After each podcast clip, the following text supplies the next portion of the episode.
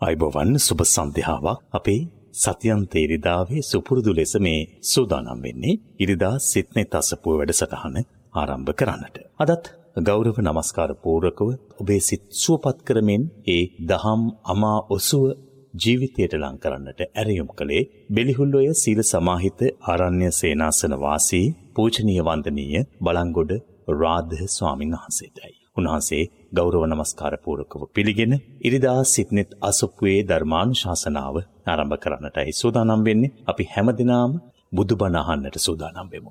පූජනීය බලංගොඩ රාධ ස්වාමීන් වහන්සේට ඇරයුම් කරනවා ධර්මානුශාසනාව පැවැත්වීම සඳහා. අවසරයි ස්වාමීන් වහන්ස. සාදු සාදු සාදු. සමන්තා චක්කවාලේසු අත්ත්‍රාගත්හන්තු දේවතා සද්ධම්මං මුනිරාජස්ස සුනන්තු සග්ගමොක්හදම් ධම්මස්සවන කාලෝ අයං භදන්තා ධම්මස්සවන කාලෝ අයං භදන්තා ධම්මස්සවන කාලෝ අයං භදන්තා සුවිසුද්ධ සීලේසු සින්ධූපමස්ස සමාධිධම්මේසු පට්ඨවී සමස්ස අනන්තඥානේසු ගගනූපමස්ස නමාමි සිරසා සිරිගෝතමස්ස පිරිසිදු සිල්කන්ද සමුදුරසේමා නිසාල සමාධිය මිහිකතසේමා අනන්තඥානය අහසක්සේමා සිරිපා අභියස පිණිපාවේවා මෝහන්ධකාරේසු සුරියෝපමස්ස සංසාරසෝතේසු සේතුපමස්ස දෝසප්පවාහේසු මේඝූපමස්ස නමාමිසිරසා ධම්මාම තස්ස මොහන්දුර සිින්දලන ලාහිරුසේමා සසරදියඹ මැද පහුරක් සේමා කෙලෙස් කිලොටු හල වැස්සක් සේමා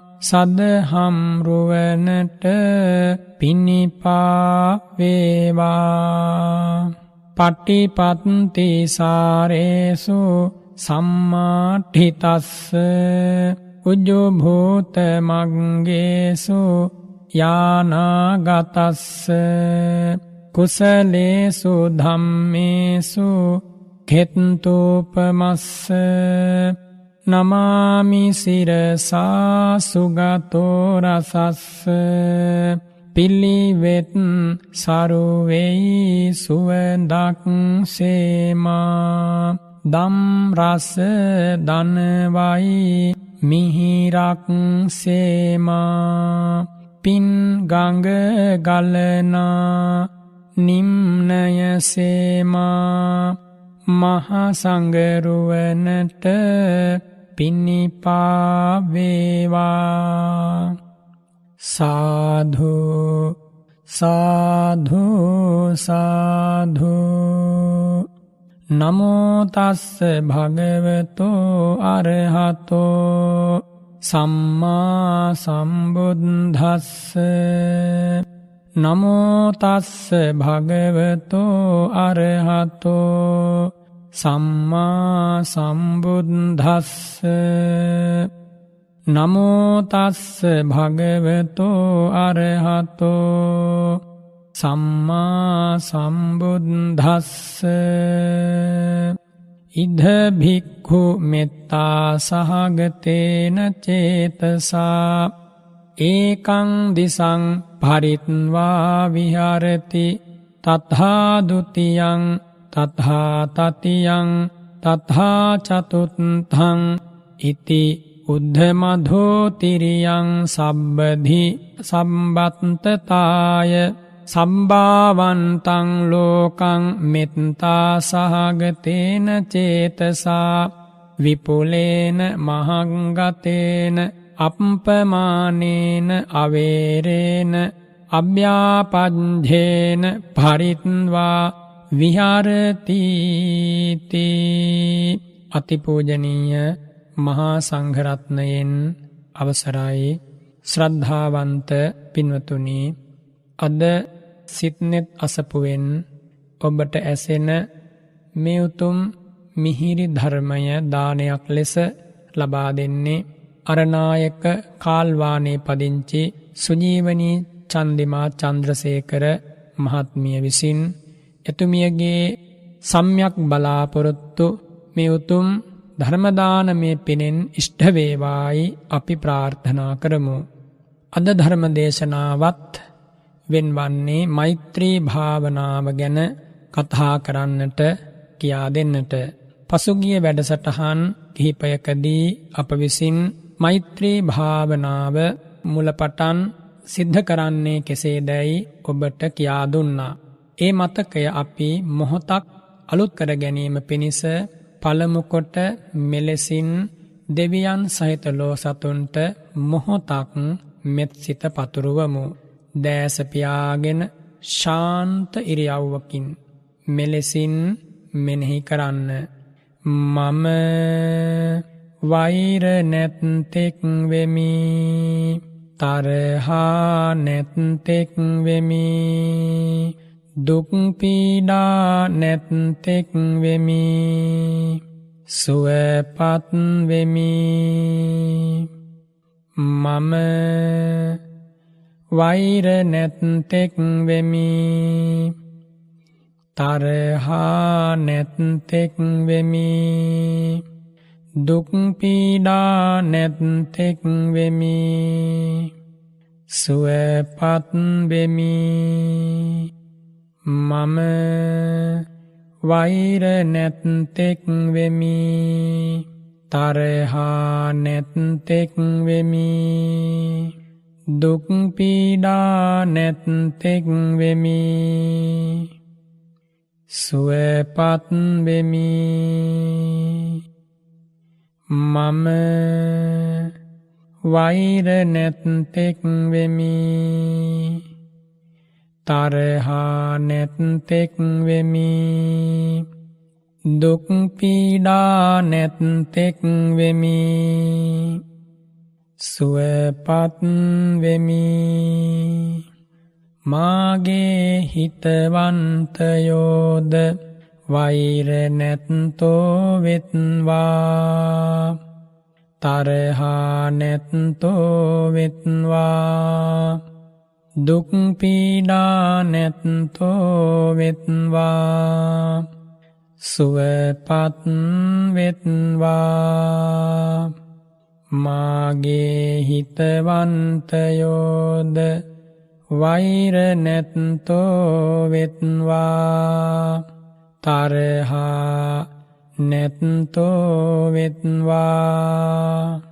දුක්පීඩා නැත්තෝ වෙත්වා. සුවපත් වෙත්වා. මාගේ හිතවන්තයෝද වෛර නැත්තෝ වෙත්වා. තරහා නැත්තෝ වෙත්වා. දුක්පීඩා නැත්තෝ වෙත්වා සුවපත් වෙත්වා. මාගේ මැදහත් සත්වයෝද වෛර නැත්තෝ වෙත්වා තරහා නැත්තෝ වෙත්වා දුක්පීඩා නැත්තෝ වෙත්වා. සුවපත් වෙත්වා. මැදහත් සත්වයෝද වෛර නැත්තෝ වෙත්වා. තරහා නැත්තෝ වෙත්වා. දුක්පීඩා නැත්තෝ වෙත්වා. සුවපත් වෙත්වා. මැදහත් සත්වයෝද වෛර නැත්තෝ වෙත්වා. තරහා නැත්තෝ වෙත්වා. දුක්පීඩා නැත්තෝ වෙත්වා. සුවපත් වෙත්වා. අහිතවන්තයෝද වෛර නැත්තෝ වෙත්වා. තරහා නැත්තෝ වෙත්වා. දුක්පීඩා නැත්තෝ වෙත්වා. සුවපත් වෙත්වා. අහිතවන්තයෝද වෛර නැත්තෝ වෙත්වා. තරහා නැත්තෝ වෙත්වා. දුක්පීඩා නැත්තෝ වෙත්වා සුවපත් වෙත්වා. අහිතවන්තයෝද වෛර නැත්තෝ වෙත්වා තරහා නැත්තෝ වෙත්වා. දුක්පීඩා නැත්තෝ වෙත්වා. සුවපත් වෙත්වා. අහිතවන්තයෝද වෛර නැත්තෝ වෙත්වා. තරහා නැත්තෝ වෙත්වා. දුක්පීඩා නැත්තෝ වෙත්වා. සුවපත් වෙත්වා. සියලුම සත්වයෝ වෛර නැත්තෝ වෙත්වා. තරහා නැත්තෝ වෙත්වා. දුක්පීඩා නැත්තෝ වෙත්වා. සුවපත් වෙත්වා. සියලුම සත්වයෝ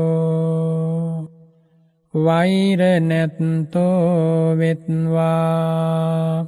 තරහා නැත්තෝ වෙත්වා. දුක්පීඩා නැත්තෝ වෙත්වා සුවපත් වෙත්වා. සියලුම සත්වයෝ වෛර නැත්තෝ වෙත්වා තරහා නැත්තෝ වෙත්වා දුක්පීඩා නැත්තෝ වෙත්වා සුවපත් වෙත්වා සියලුම සත්වයෝ වෛර නැත්තෝ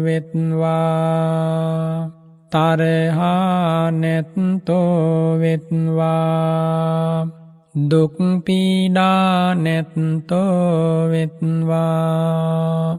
සුවපත් වෙත්වා.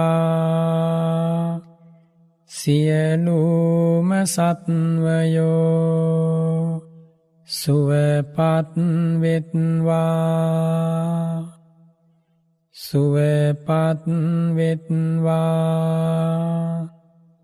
සුවපත් වෙත්වා. සියලුම සත්වයෝ සුවපත් වෙත්වා. සුවපත් වෙත්වා. සුවපත් වෙත්වා. සියලුම සත්වයෝ සුවපත් වෙත්වා. සුවපත් වෙත්වා. සුවපත් වෙත්වා.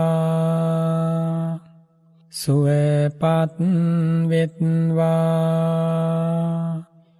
සුවපත් වෙත්වා සුවපත් වෙත්වා සුවපත් වෙත්වා සුවපත් වෙත්වා සාධු සාධු සාධු දැන් හැම දෙනාගේම හදවත් මෛත්‍රියෙන් මෙත් සිසිලසින් පිරීගිය මොහොතක් තුන්ඩුවක් දිනූ ධර්මරාජ බුදුරජාණන් වහන්සේගේ හදවතේ මොන්න තරන්නම් මෛත්‍රයක් පිරී ඉතිරී තිබෙන්නට ඇතිදෝ කියලා හිතෙනවා.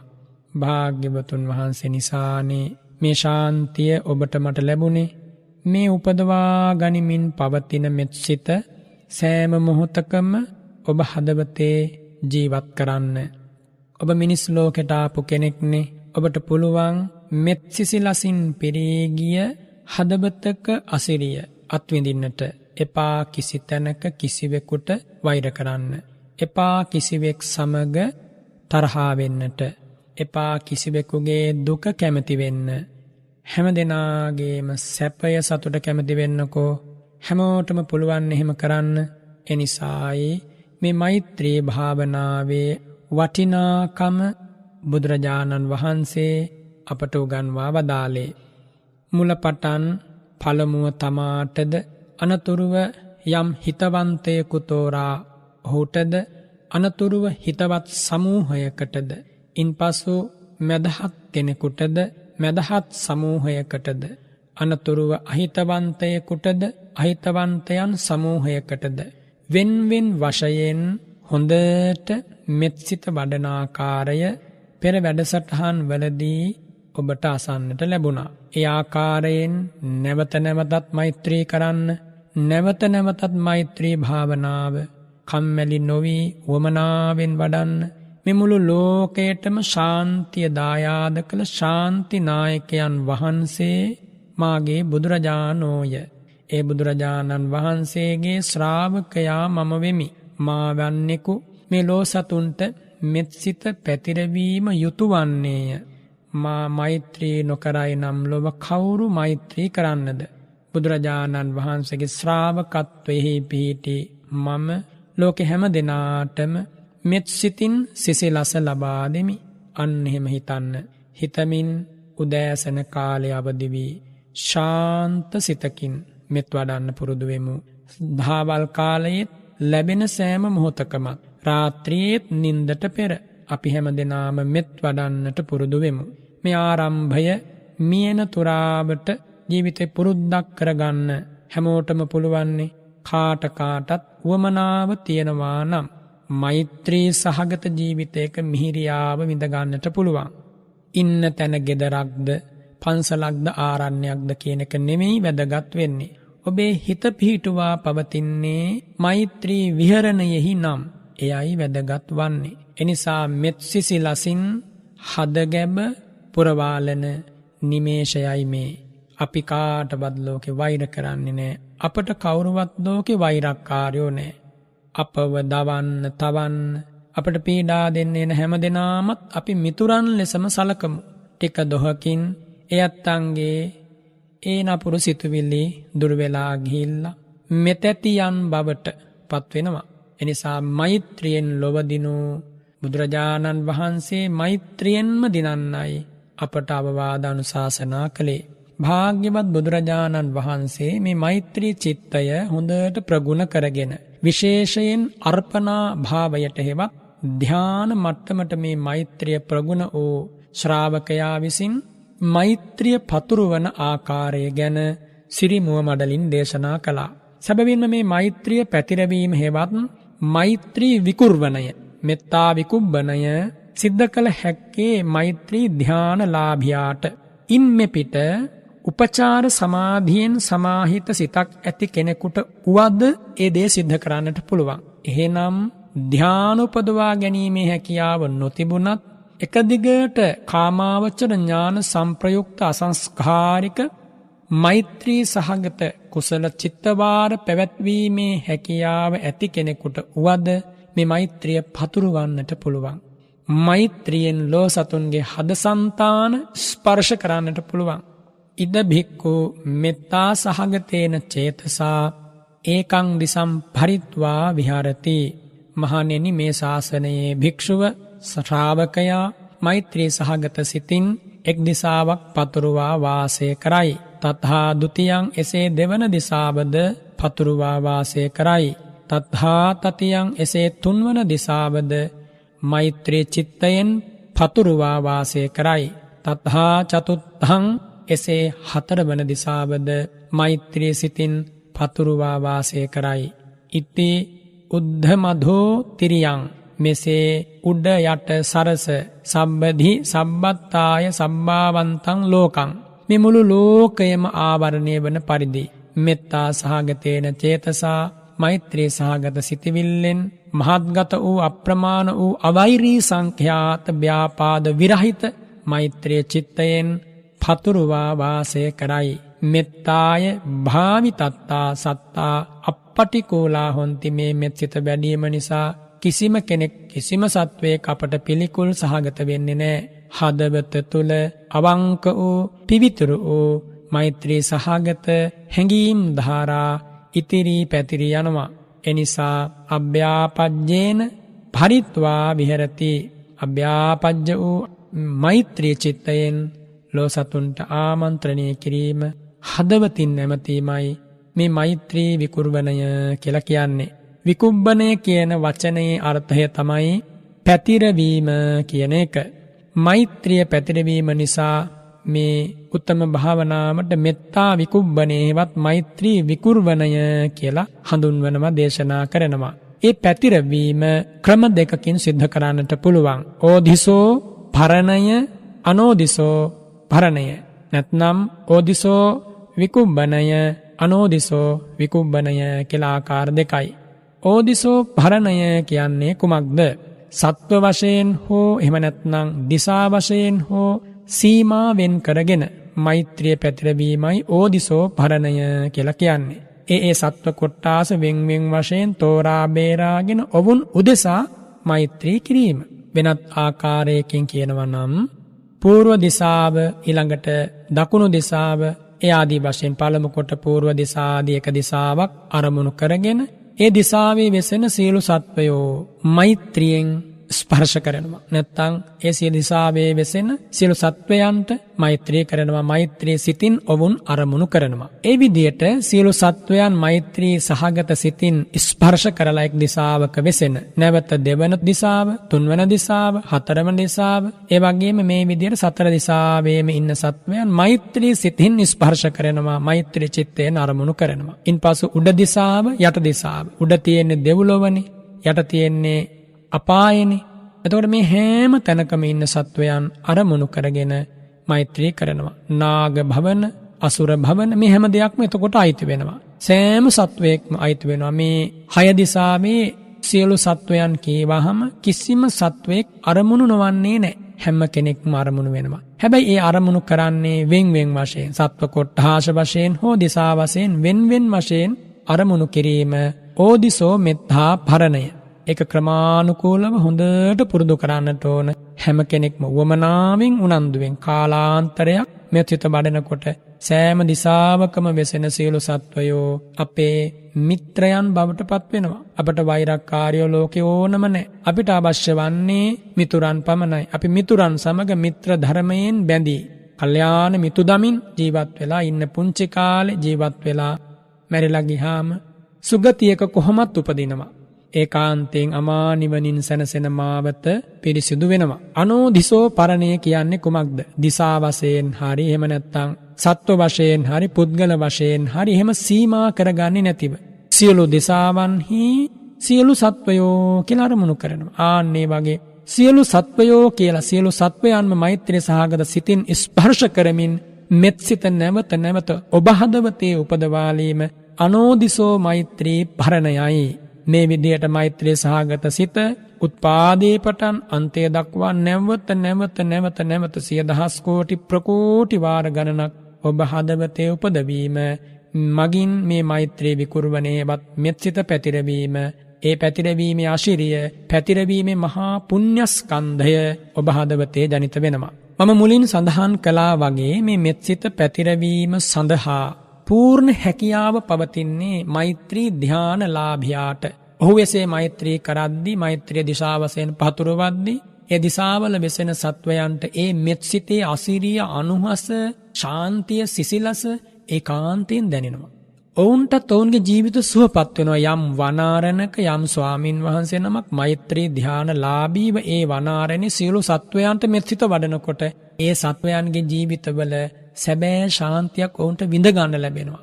රණ්ඩු වෙන්නේ නෑ ඔවුන ඔවුන් වෛර කරන්නේ නෑ බොහෝම සමගයෙන් ජීවත් වෙනවා. ඒ මෛත්‍රී ධ්‍යාන චිත්තේ අනුහස.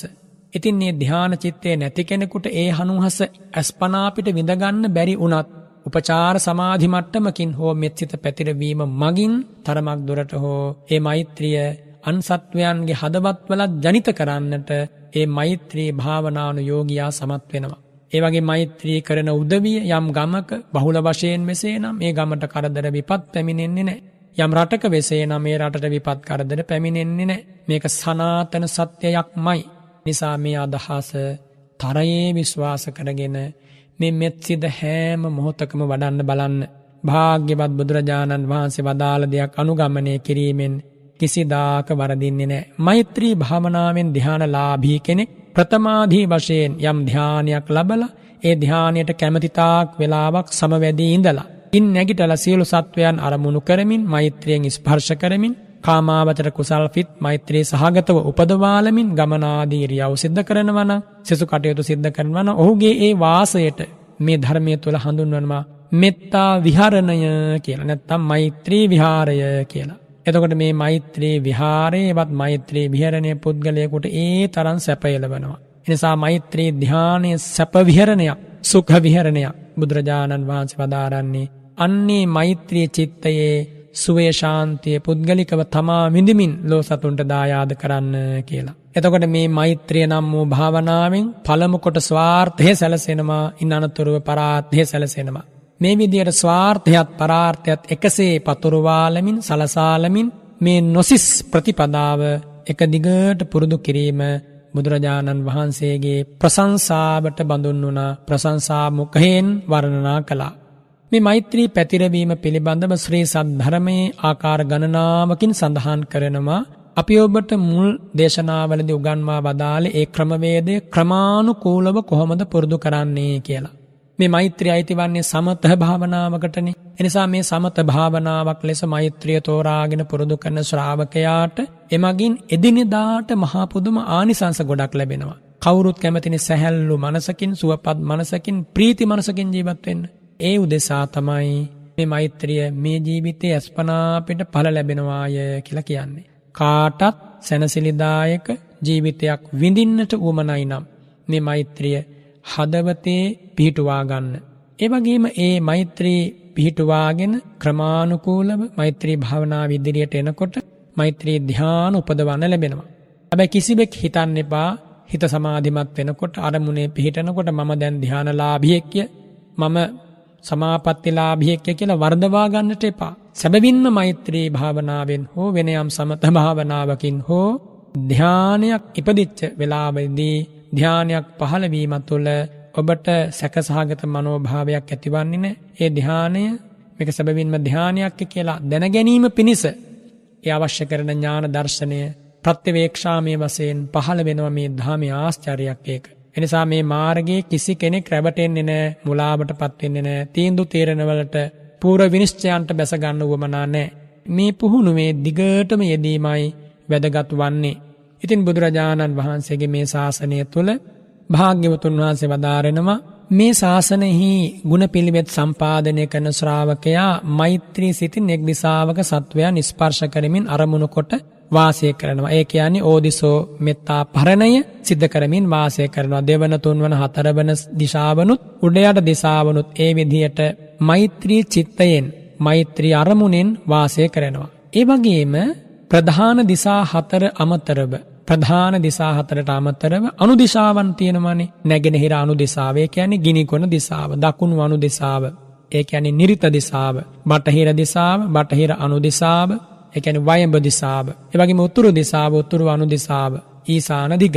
මෙන්න මේ විදිහට මේ අනුදිසාවනුත් වෙන්වෙන් වශයෙන් අරමුණු කරමින් මේ දිසාවල වෙසෙන සත්වයන් අරමුණු කරමින් මෛත්‍රිය වැඩිම දිසා වශයෙන් ඕදිසෝ මෙත්තා පරණේවත් ඒ ඒ සත්වයන් දිසාවල අරමුණු කරගෙන මෛත්‍රිය වැඩිමයි කියලා බුදුරජාණන් වහන්සේ දේශනා කරනවා. එහෙම මෛත්‍රිය වඩමින් සියලු සත්වයන් ඇති මේ සියලු ලෝක විපුල වූ මහත්ගත භාවයට පත් ඒ කියන්නේ ධ්‍යාන මට්ටමට පැමිණි අප්‍රමාණ වූ කිසි වෛරයක් නැති නිදුක් නිරෝගී භාවයෙන් මානසික යුක්ත වූ මෛත්‍රී සහගත සිතින් ස්පර්ශ කිරීමෙන් වාසය කරනවා. ඒ දේ කොහොමද උපමාවකින් බුදුරජාණන් වහන්සේ දේශනා කරන්නේ? ප්‍රියමනාප එක් පුද්ගලයෙකු දැකලා ඒ පුද්ගලයාට මෛත්‍රී කරන්නේ යම්සේද. තවත් ආකාරයකින් කිවහොත් මාතා යත්හා නියම් පුත්තං. ආයුසා ඒක පුත්ත මනුරක්හේ.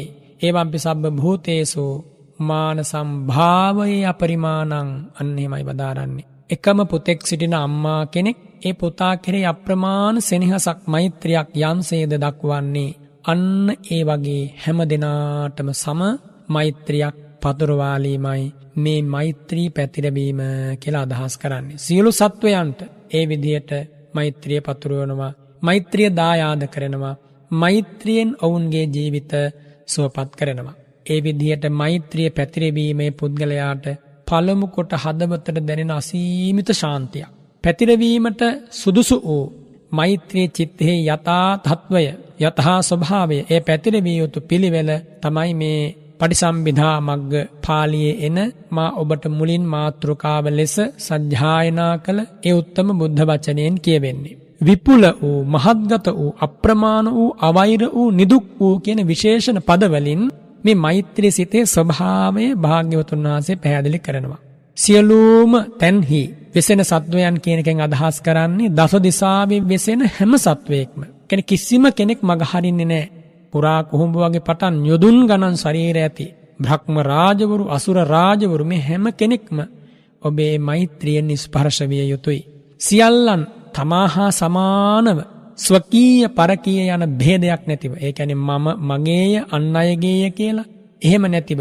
සත්වයෝ හීන සත්වයෝ මධ්‍යම සත්වයෝ උත්කෘෂ්ට සත්වයෝ සතුර මිතුරෝ එහෙම හිතන්නෙත් නැතුව. ස්ත්‍රී පුරුෂ ආර්ය අනාර්ය දේව මනුස්සාදී සියලු සතුන් මෙම බෙහෙද කරන්නේ නැතිව කවුරුවත් බෙහෙද නොකර සියලු දෙනාම සියලු සත්වයෝ කියන තැන පිහිටලා හැම දෙනාටම සමසේ තමා හා සමානම තමාට යම්සේ තමා මෛත්‍රී කරනවද එලෙසින් හැම දෙනාටම මෛත්‍රී කරමින් මෛත්‍රී සිතින් වාසය කිරීම මෛත්‍රී කමටහනින් මොහොතක්වත් ඇසිල්ලක් නමුත් බැහැර නොවී වාසය කිරීමයි මේ මෛත්‍රී පැතිරවීම කියලා තථාගත සිරිමුව මඩලින් බදාරන්නේ. විපුල වූ චිත්තයෙන් කියලා කිව්වනේ විපුලේන කියලා. එයින් අදහස් කරන්නේ මෛත්‍රී අරමුණ ඉතිරියක් නැතිව නිරවශේෂ වශයෙන් අරගෙන මහත්සේ හාත් පස පැතිරවීම විපුල වූ මෛත්‍රී සිතින් කියල කියන්නේ එකයි. කෙලෙස් ධර්ම කාමච්චන්දාදී කෙලෙස් ධර්ම යටපත් කරලා සිතටවත් නැගී නොයන විදියට මේ මෙත් සිත බලවත්ව හදවතේ මෝරා පැනනගෙන නිසා මේ මෛත්‍රී චිත්තය මහත් වූ සිතක් ප්‍රබල වූ සිතක්. මහත් වූ චන්ද චිත්ත විරිය වීමන්සා කියන සතර ඉර්ධිපාදයන් බලවත් වෙමින් මේ මෛත්‍රී චිත්තය හදවත ඇතුළේ ප්‍රබෝධමත් වන නිසා නැගී සිටින නිසා ඒ කාන්ත මේ මෛත්‍රසිත මහත්ගතයි කියල කියනවා. එවගේම රූපාවච්චර භූමියේ චිත්තයන් ඉපදිවීමට නැත්තං රූපාවචර ධ්‍යාන ඉපදවීමට මේ මෛත්‍රී අරමුණු වෙන හින්දත් මහත් ගතයි කියලා කියනවා මේ මෛත්‍රී චිත්තය. මේ පුරුදු කරගෙන යද්දී අප්‍රමාණ කෙලවරක් නැති සත්වයන් අරමුණු කිරීම වශයෙන් මෛත්‍රී වඩන නිසා මේ මෛත්‍රිය අප්‍රමාණයෙන් අප්‍රමාණ වූ සත්වයන් අරමුණු කරගෙන වැඩීමයි අදහස් කරන්නේ බුදුරජාණන් වහන්සේ. එතකොට මේ මෛත්‍රිය මගින් ව්‍යාපාදනීවරණය එය සතුරෙක් ඒ ව්‍යාපාදනීවරණය නසා දමන නිසා මේ මෛත්‍රී චිත්තය හඳුන්වනවා අවෛර කියන විශේෂණයෙන් දුක් දොම්නස් දුරු කර දමා ජීවිතය ඇතුලේ ශාන්තිය පළමු කොට මතු කරන නිසා අව්‍යාපජ්‍ය කියලා මේ මෛත්‍රිය හඳුන්වනවා. තවත් විදිහකින් ප්‍රකාශ කළොත් තම සිතට හිංසා කරන අර්ථයෙන් ව්‍යාපාදය නම් වූ දෝමනස්ස වේදනාවෙන් යුතු ස්වභාවය දුරු කරලා දාලා එයාගේ හදවත නිදුක් වෙනවා. සිත නිරෝගී වෙනවා. පැතිරවීමට සුදුසු මෙත් සිතේ සැබෑ ස්වභාවයයි ඔය විදියට බුදුරජාණන් වහන්සේ ඔබට දේශනා කළේ.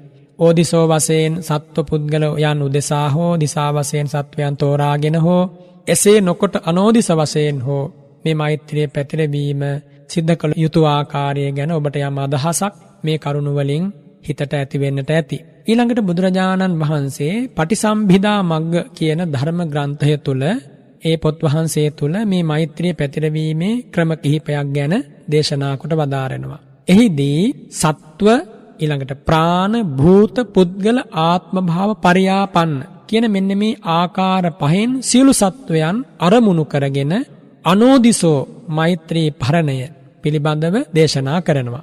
ඒ කියන්නේ සියලු සත්වයෝ කියලා අරමුණු කරනවා. සියලු ප්‍රාණීහු කියලා, සියලු භූතයන්, සියලු පුද්ගලයන්, සියලු ආත්ම භාව පරියාපන්නයන් කියන මේ කොටස් පහ එකටම හෝ අරගෙන නැත්තම් වෙන වෙන වශයෙන් සියලු සත්වයෝ කිව්වාම කිසිවෙක් වෙන් වෙන්නේ නැහැ, තේරෙන්නේ නැහැ, බේරෙන්නේ නැහැ හැම දෙනාම සියලු ප්‍රාණීහු කිව්වත් එහෙමයි. සියලු භූත කිව්වත් එහෙමයි. සියලු පුද්ගල කිව්වත් එහෙමයි. සියලු ආත්ම භාව පරියාපන්න කිව්වත් එහෙමයි.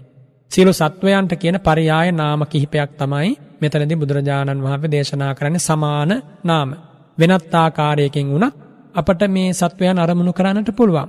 ජන්තු, ජීව, ඒ වගේ සත්ව වාචී පරයාය නාම තියෙනවනේ. සත්වයන් හඳුන්වන නාම. කුමන නමකින් වුණත් කමන්නේ මේ විදිහට සත්ව පුද්ගල වශයෙන් තෝරන්නේ නැහැ දිසා වශයෙන් තෝරන්නේ නැතුව මේ ආකාරයේ මෛත්‍රිය වඩන්නට පුළුවන් ඊළඟට ඕදිසෝ වශයෙන් නැත්තම් යම් යම් සත්ව කොට්ඨාස උදෙසා මෛත්‍රී වඩන ආකාරයත් එහිදී දේශනා කරනවා ස්ත්‍රී පුරුෂ ආර්ය අනාර්ය දිව්‍ය මනුස්ස විනිපාත කියන මේ සත් කොටස් හත මේ සත්ව කොට්ටාස හත වෙන්වෙන් වශයෙන් අරගෙන ඕදිසෝ මෛත්‍රී පරණ චේතෝ විමුක්තියද බුදුරජාණන් වහන්සේ දේශනා කරන. එතකොට සත්ව ප්‍රාණ භූත පුද්ගල ආත්ම භාව පරියාපන්න යන අනෝදිසෝ පරණේ ආකාර පහත් ඒ වගේම ස්ත්‍රී පුරුෂ ආර්ය අනාර්ය දිව්‍ය මනුෂ්‍ය විනිපාත යන සත් ආකාරයෙන් කෙරෙන ඕදිසෝ පරණයත් සමග ඒ දොළොස් වැදෑරුම් ආකාරයෙන්ම සත්වයන් අරමුණු කරගෙන ඒ සත්වයන් දපදිසාවේම සිටින ආකාරය මනසින් සලකාගෙන ඒ දස දිසාවේම ඒ කියපු 11 වැදෑරුම් සත්වයන් අරමුණු කරගෙන 11 වැදෑරුම් සත්ව කොට්ඨාස අරමුණු කරගෙන දස දිසාවටම මෛත්‍රිය පැතිරවීම මගිනුත් මේ මෙත්තා චේතෝ විමුක්තිය උපදවන ආකාරය පටිසම්භිදා මග්ගයේදී බුදුරජාණන් වහන්සේ සිරිමුව මඩලින් දේශනා කරනවා. එනිසා මේ එකම තැනකවත් කිසි කෙනෙක් පටලවා ගන්නට අවශ්‍ය නැහැ. මේ හැමදේම ඔබට නොතේරුණත් ඔබට පුළුවන් සියලු සත්වයෝ සුවපත් වෙත්වා කියන මෙන්න මේ සිතවිල්ලෙන් පසු වෙන්නට ජීවත් වෙන්නට. එමගින් මේ මෛත්‍රිය ටික ටික ඔබ හදවතේ සම්පාදනය වෙනවා. එය ප්‍රගුණ කරගෙන යද්දී මේ විදිහට වෙන්වෙන් වශයෙන් සත්වයන් එවැගේම දිසා වශයෙන් සත්වයන් අරමුණු කරමින් නැවත නැවත ආසේවනයේ භාවිතය බහුලීකృతය හරියාකාරව සිද්ධ කරන්නටයි බුදුරජාණන් වහන්සේ මේ උපදෙස් මාලාව සිරිමුව මඩලින් දේශනා කොට වදාරන්නේ. මෙහිදී භාවනානුයෝගියා නැත්නම් යෝගාවචරය විශේෂයෙන් අවධානයට ගත යුතු කාරණය තමයි සත්ව වශයෙන් හරි ප්‍රාණ ආදී වශයෙන් හරි මේ වචන මාත්‍රයෙන් සෑහීමකටපත් නොවි මේ වචන මාත්‍රය අල්ලා නොගෙන මේන් අර්ථවත් වන්නේ වෙනසක් නැතිව සියලු සත්වයන් ය කියන එක හොඳට හදවතේ පිහිටුවා ගන්නට ඕන. අන්නේම පිහිටුවාගෙන මෛත්‍රිය සිද්ධ කිරීමයි ඊටාම වැදගත් වෙන්නේ. ඒ විදිහට ගන්නට යා දක්ෂ වුණේ නැත්නම් සත්ව පුද්ගලයන් කොටස් නොකර ඍජුව සමස්තය අරමුණු කිරීමේ හැකියාව ඇති කරගත්තේ නැත්නම් එයාට අනෝදිසෝ මෙත්තා පරණය දිනු කරන්න ලැබෙන්නේ නැහැ. ඕදිසෝ මෙත්තා පරණය පමණයි එතකොට එයා ප්‍රගුණ කරන්නේ. කොහොම නමුත් ඕදිසෝ මෙත්තා පරණයෙන් හෝ අනෝදිසෝ මෙත්තා පරණයෙන් හෝ අපි අපේ මෛත්‍රී චිත්තය දියුණු කරගෙන ඉස්සරහට එනකොට හොඳ මෛත්‍රී සිතක් ඇති වෙනකොට සියලු සත්වයන් අරමුණු කරමින් අපක්ෂපාතීව මෛත්‍රී කිරීමේ හැකියාව ඇති වෙනවා. ඉතින් මේ විදිහට මෛත්‍රිය නිසා සිතේ ඇතිවන ආධ්‍යාත්මික සංසිඳීම සංවරය ශාන්තිය ඒ කෙලසුන්ගෙන් මනාව මිදී යාම නිසා මේ මෛත්‍රී භාවනාවේ දියුණු අවස්ථාවට බුදුරජාණන් වහන්සේ වදාරනවා මෙත්තා චේතෝ විමුක්තිය කියලා. ඒ කියන්නේ නීවරණයන්ගෙන් මිදී ගිය තිශයින් පාරිශුද්ධියටපත් වූ මෛත්‍රී ධ්‍යාන චිත්තයට තමයි මෙත්තා චේතෝ විමුක්තිය කියලා වදාරන්නේ. ඉතින් ඒ తත්වය දක්වාම ඔබ පැමිණීමට නම් සබ්බේ සත්තා වේරා හොන්තු අභ්‍යාපජ්ජා හොන්තු අනීගා හොන්තු සුඛී යත්තානම් පරිහරන්තු කියන මා පෙර වැඩසටහන් වලදී ඔබට ප්‍රකාශ කළ ආකාරයෙන් පුහුණුමේ දෙන්නට ඕන. එහෙම නැත්නම් ඒ වෙනුවට සියලු සත්වයෝ වෛර නැත්තෝ වෙත්වා තරහ නැත්තෝ වෙත්වා දුක් පීඩා නැත්තෝ වෙත්වා සුවපත් වෙත්වා කියලා පිළිවෙලින් අර මා මුලින් සඳහන් කළ ආකාරයෙන් මෛත්‍රිය වඩලා සීමා සම්භේදේ හරියාකාරව සිද්ධ කළ අනතුරුව සියලු සත්වයෝ සුවපත් වෙත්වා කියන මෙන්න මෙතනට එනවා. ඒ අරමුණ හොඳට සිතින් ගන්න පුළුවන් තැනට ආවට පස්සේ අර මා මුලින් සඳහන් කළ මම හිතවත් මැදහත් අහිතවත් ආදී වශයෙන් එහෙම වර්ග කරන්න අවශ්‍ය වෙන්නේ නැහැ. ඒ වර්ග කරලා මෛත්‍රිය හොඳට ප්‍රගුණ කරලා හුරු කරගන්නේ අපේ ජීවිතවල ඔය කියපු පුද්ගල ප්‍රභේදයන් මුණ ගැසෙනවානේ. ඉතින් එහෙම පුද්ගල ප්‍රභේද වශයෙන් වෙන වෙන වශයෙන් කෙනෙකුට දකින්න එක වෙහෙසක් නම් එහෙම උවමනා නෑ කියලා හිතෙනවා නම් ඒ බඳු ප්‍රභේද වශයෙන් සලකා ගන්න නැතුව මට මේ මෙතිත වඩන්න පුළුවන් කියලා හිතෙනවා නම් මේ විදියට කෙනෙක් මෛත්‍රිය දිනු කරාට කමක් නෑ මුලපටන්ම සියලු සත්වයෝ වෛර නැත්තෝ වෙත්වා තරහ නැත්තෝ වෙත්වා දුක් පීඩා නැත්තෝ වෙත්වා සුවපත් වෙත්වා මුලපටන්ම එහෙම දිනු කරන්නත් පුළුවන් වඩාත් ප්‍රායෝගික වන්නේ වඩාත් සාර්ථක වන්නේ අර මුලපටන් ක්‍රමානුකූලව මෛත්‍රිය පතුරවාගෙන සිත හොඳට මෛත්‍රිය තුළ පිහිටුවීම හැකියාව දියුණු කර ගැනීම. කාලාන්තරයක් මේ භාවනාවේ යෙදෙනකොට හිත ටික ටික මෛත්‍රී අරමුණට කැමති වෙනවා. මෛත්‍රියේ යෙදෙන්න කැමති වෙනවා. මෛත්‍රියට මේ හිත ප්‍රිය කරනවා. ආන්නේ අවස්ථාවට ආවට පස්සේ මෛත්‍රී අරමුණ සිතට මිහිරක්. සත්වයන්ට මෙත් වැඩීමම එයාට මහා ආස්වාදයක් සැපයක් සතුටක්. ඇතුළත නිමී සුවපත් වී බාහිරත් නිමී සුවපත් වී මෙලොවත් නිවී සුවපත් වී පරලොවත් නිවී සුවපත් වී සසරම නිවා සුවපත් වන අවස්ථාවට කවදා නමුත් ඔබ ගමන් කරන මේ මෛත්‍රී භාවනාවෙන්. එනිසා මෛත්‍රිය ධනයක් ධන නිධානයක් ගුණයක් ගුණාකරයක් රසයක් රසාකරයක්. එනිසා මේ මෛත්‍රිය ඔබ හදවතේ පිහිටුවන්නටයි මේ උපදෙස්මාලාව ඔබට ලැබෙන්නේ. බුදුරජාණන් වහම දේශනා කලානේ පංචවිධ අනෝදිසෝ මෙත්තාචේතෝ විමුත්තිය ඒ කියන්නේ සියලු සත්වයෝ සුවපත් වෙත්වා සියලු ප්‍රාණීහු සුවපත් වෙත්වා සියලු භූතයෝ සුවපත් වෙත්වා සියලු පුද්ගලයෝ සුවපත් වෙත්වා සියලු ආත්ම භාව පරයාපන්නයෝ සුවපත් වෙත්වා කියන මේ ක්‍රම පහ එතකොට මෙහිදී සියලු සත්වයෝ කියලා කෙනෙකුට මෙතිත වඩන්න පුළුවන්. සියලු ප්‍රාණීහු කියලා වඩන්න පුළුවන්. සියලු භූතයෝ කියලා වඩන්න පුළුවන්. සියලු පුද්ගලයෝ කියලා වඩන්න පුළුවන්. සියලු ආත්ම භාව පරයාපන්නයෝ කියලා වඩන්න පුළුවන්. මේ කොයි විදිහට වුණත් කමක් නැහැ. මේ වචන වලින් කැමති එකක් තෝරාගෙන සියලු සත්වයන් අරමුණු කරගෙන සුවපත් වෙත්වා සුවපත් වෙත්වා සුවපත් වෙත්වා කියන මෙන්න මේ චිත්තෝත්පාදය හැකි තාක්ක දිගට උපදවා ගැනීමේ හැකියාව ඇති කර ගැනීමයි මෙමගින් අපි බලාපොරොත්තු වන්නේ. එතකොට කෙනෙකුට පුළුවන් සියලු සත්වය සුවපත් වෙත්වා කියන මේ අරමුණ තුලින් ධානෝත්පාදය දක්වා මේ සිත දියුණු කරන්න.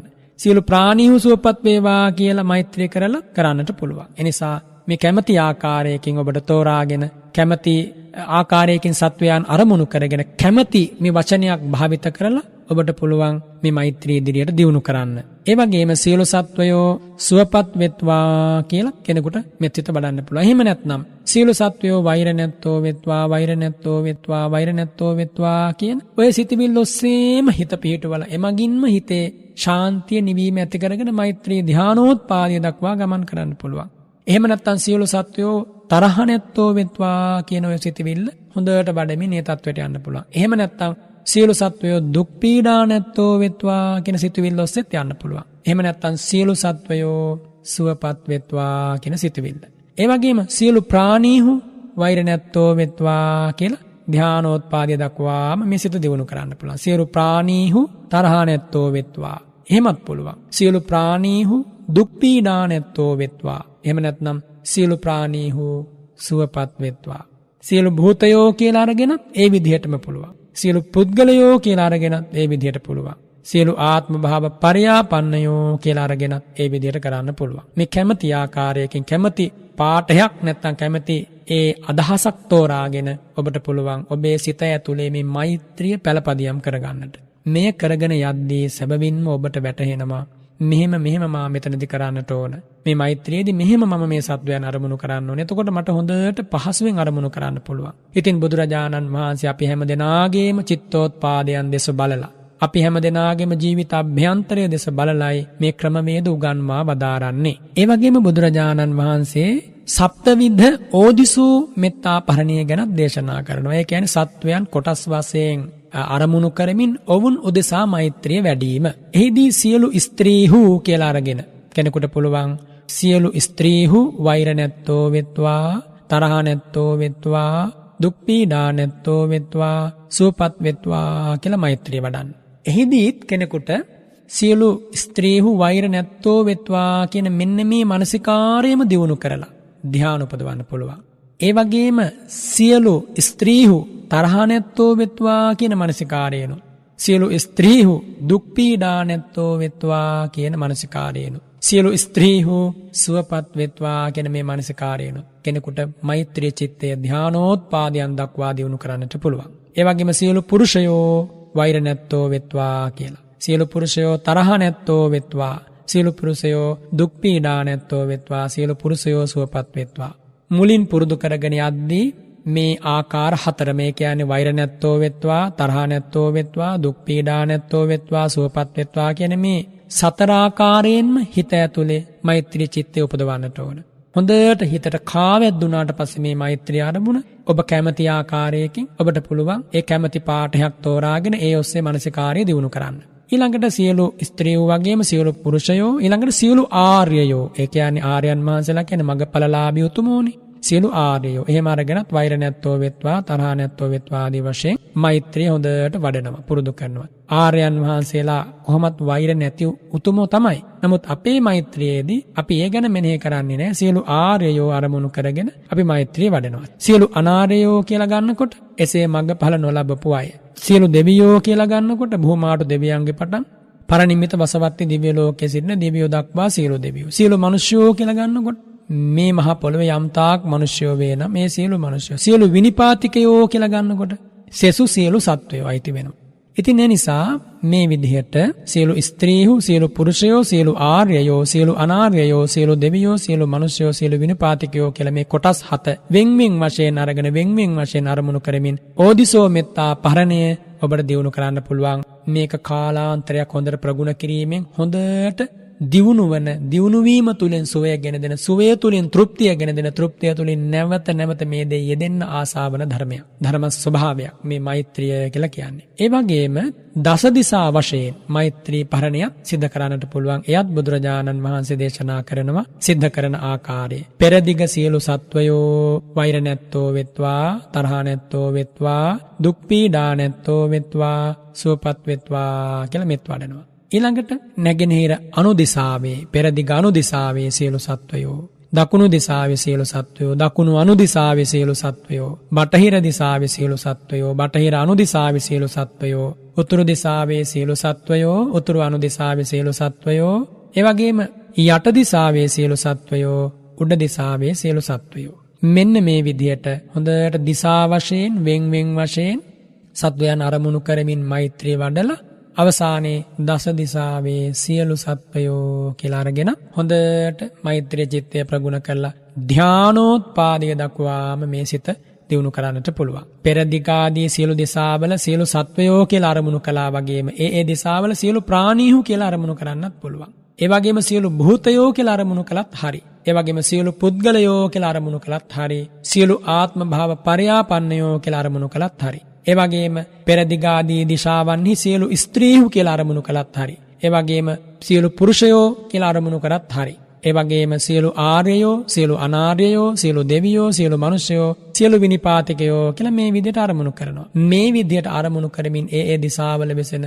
සියලු සත්වයන් වෙත මේ මෛත්‍රිය සිතු සිතුසේ කැමැති කැමැතිසේ පැතිරවීමයි මෛත්‍රිය පැතිරවීම කියලා බුදුරජාණන් වහන්සේ දේශනා කරන්නේ. එහිදී සිද්ධවන්නේ කුමක්ද ඒ ඒ දිසාවල ඒ ඒ සත්වයන් අරමුණු කරගෙන අප හදවතේ අඛණ්ඩ වූ අවිච්ඡින්න වූ මෛත්‍රී ජවන් වාරි පිදවීම. ඒ මෛත්‍රී ජවන් වාර කාමාවචර ජවන් වාර වෙන්නත් පුළුවන් රූපාවචර ජවන් වාර වෙන්නත් පුළුවන්. ඒ මෛත්‍රී චිත්තෝත්පාදයන් කාමාවචර වශයෙන් උපදවද්දී නැවත නැවත ඒක මෛත්‍රී උපචාර ධානය කියලා කියන්න පුළුවන්. ඒ මෛත්‍රී චිත්තෝත්පාදයන් නැවත නැවත උපදවද්දී රූපාවචර වශයෙන් අර්පණා ධාන කියලා හඳුන්වනවා. ඉතින් මේ මෛත්‍රියෙන් ප්‍රථම ධ්‍යාන, දෙවන ධ්‍යාන, තුන්වන ධ්‍යාන, පංචක ක්‍රමයෙන් නම් හතරවන ධ්‍යානය දක්වාම යන්නට පුළුවන්. ඒ වගේම ඉන් අනතුරුව අපට මෛත්‍රී ධ්‍යානය පාදක කරගෙන ඉන් ඉදිරියට අරූපාවචරය දක්වා මේ සිත දියුණු කරන ආකාරය බුදුරජාණන් වහන්සේ දේශනා කරනවා. ඉතින් මේ හැම දෙයක් මේ දා හිටපු මහා වීර පිං ඇති උතුමෝ ඊතා හොඳින් ප්‍රගුණ කරලා ප්‍රත්‍යක්ෂ කරගෙනයි දේශනා කරන්නේ. මේ එකම වචනයක්වත් හුදු වචන මාත්‍රයකට අදහස් මාලාවකට වදන් වැලකට සීමා කරගන්නට එපා. මෙය ඔබේ ජීවිතේ ප්‍රායෝගික පුහුණුවක් විය යුතුයි. මෙච්චර කාලයක් ඇසූ දහමින් මෙච්චර කාලයක් මනසිකාර කළ දහමින් අග්‍ර ඵලය ලැබෙන්නේ අන්නේ විටයි. එනිසා ඊතා හොඳින් නිවීගිය සිතකින් ප්‍රීතිමත් සිතකින් මේ මෛත්‍රී භාවනාවේ නැවත නැවත යෙදෙමින් ශ්‍රාවකයාට පුළුවන් මෛත්‍රී ධානය නිසා මෛත්‍රී චිත්තය නිසා ශ්‍රද්ධාදී ඉන්ද්‍රිය ධර්ම ටික හොඳට වඩන්න පුළුවන්.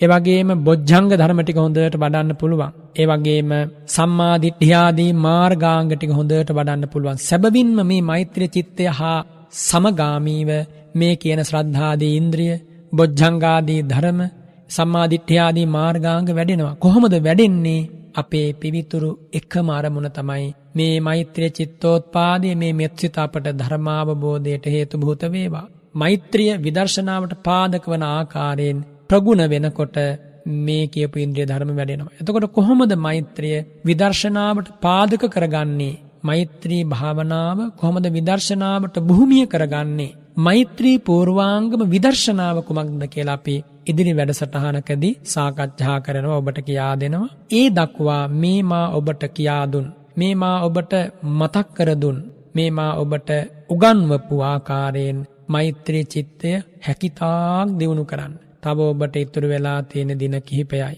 රාත්‍රී ගණනයි. වරු ගණනයි. වේල් ගණනයි.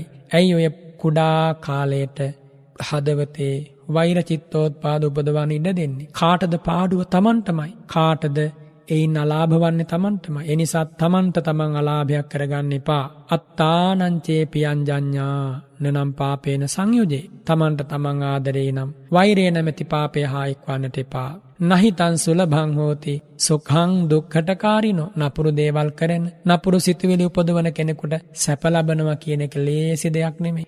වෛරය කියන්නේ නපුරු සිතුවිල්ලක්. වෛරයෙන් ජීවත් වෙච්ච කෙනාට හොඳක් වෙන්නේ නෑනේ. ඒක අපි අකමැත්තෙන් වුණත් කියන්න වෙනවනේ. අන්තකේ නාධිපන්නස ජහතෝ මානුසම්භවං. මිනිස් ජීවිතේ කෙරවල කරලා අවසානයට එනකොට කිං ඊතස්ස සකං හෝති. ඔබට ඔබේ කියලා ඉතුරු වෙන්නේ මොනවද? කිං තස්ස අනුගං හෝති. ඔබ අරන් යන්නේ මොනවද? ඡායාවනපායිනි චක්කංව වහතෝ පදං ගොනු පිටුපස එන රියසක බඳුව හෝ ඔබේ සිසිල් සෙවනැල්ල බඳුව හෝ ඔබ පිටුපස්සෙන් ඔබ අරන් යන්නේ කර්ම වේගයෙන් කර්ම ශක්තිය මේ මෛත්‍රියෙන් භාවිත පරිභාවිත මහා පුදුම කුසල කර්ම වේගයක් ඔබට ඇති වුණොත් කොච්චර සැනසීමක් දැනේවිද ලැබේවිද? යංච කරෝති කායේන වාචාය උදචේතසා. එනිසා යම් පුද්ගලයෙක් මේ ලෝකෙ සිතින් කයෙන් වචනයෙන් ධර්මයේ හැසිරෙනවා නම් විශේෂයෙන් මේ මෛත්‍රී භාවනාව කායික වශයෙන් මානසික වශයෙන් වාචික වශයෙන් කරනවා නම්. කායික වශයෙන් කෙවැද සිද්ධ කරන්නේ කියලා ඔබට පැහැදිලි කළා. මෛත්‍රී සහගත කාය කර්ම අන්න අයට පිහිට වෙන අම්මා තාත්තට උපස්ථාන කරන්න සංඝරත්නයට උපස්ථාන කරන්න වැඩිහිටි සහෝදර සහෝදරයන්ට උපස්ථාන කරන්න සතාසිව් පාවාගේ පටන් හැමදෙනාට ආදරයෙන් පිහිට වෙන්න අත්පා වෙහෙසලා කායික ශ්‍රමයේ වෙහෙසලා ලබා දීලා ඔවුන්ට පිහිට වෙන්න අන්න මෛත්‍රී සාගත කාය කර්ම. විශේෂයෙන් ගිලානෝපස්ථානේ මෛත්‍රී සාගත කාය කර්මයක් කාටත් කරන්න පුළුවන්. මේ ජීවිතවල ඕන තරම් අපට ගිලනුන් මුණ ගැසෙනවා දෙමාපියෝ වැඩිහිටියෝ මහ සංඝරත්නය ලෙඩ වෙච්ච අවස්ථා මුණ ගැහෙන අපට කරන්න පුළුවන් මෛත්‍රී සහගත කාය කර්ම වචී කර්ම මිහිරි වදනින් ආමන්ත්‍රණය කරන්න පුළුවන්. සුවපත් වේවා කියන වචනේ උදේ හවා කියන්නට පුළුවන්. ඒ වගේම මෛත්‍රී සහගත වචී කර්ම කියනකොට යම් කිසි කෙනෙකුට ධර්මය කියලා දෙනවා නම් ඒක මෛත්‍රී සහගත වචී කර්මයක්. යම් කෙනෙකුට යහපතේ අනුශාසනා කරන මෛත්‍රී සහගත වචී කර්මයක්. දිනු වෙන්න මඟ කියනවා නම් මෛත්‍රී සහගත වචී කර්මයක්. ප්‍රියමනාප ආදරණීය වචන වලින් කතා කළ දුක් සෝගිනි සංසිඳවන මෛත්‍රී සහගත වචී කර්මයක්. කාටත් කරන්න පුළුවන්නේ මෛත්‍රී සහගත මනෝකර්ම. මේ දෙකම සඳහා මෛත්‍රී සාගත වචේ කර්ම සහ කාය කර්ම සඳහා මෛත්‍රී සාගත මනෝ කර්ම අවශ්‍යයි. ඒ කියන්නේ මේ වෛර නැත්තෝ වෙත්වා තරහ නැත්තෝ වෙත්වා මේ ආදී සිතුවිලි.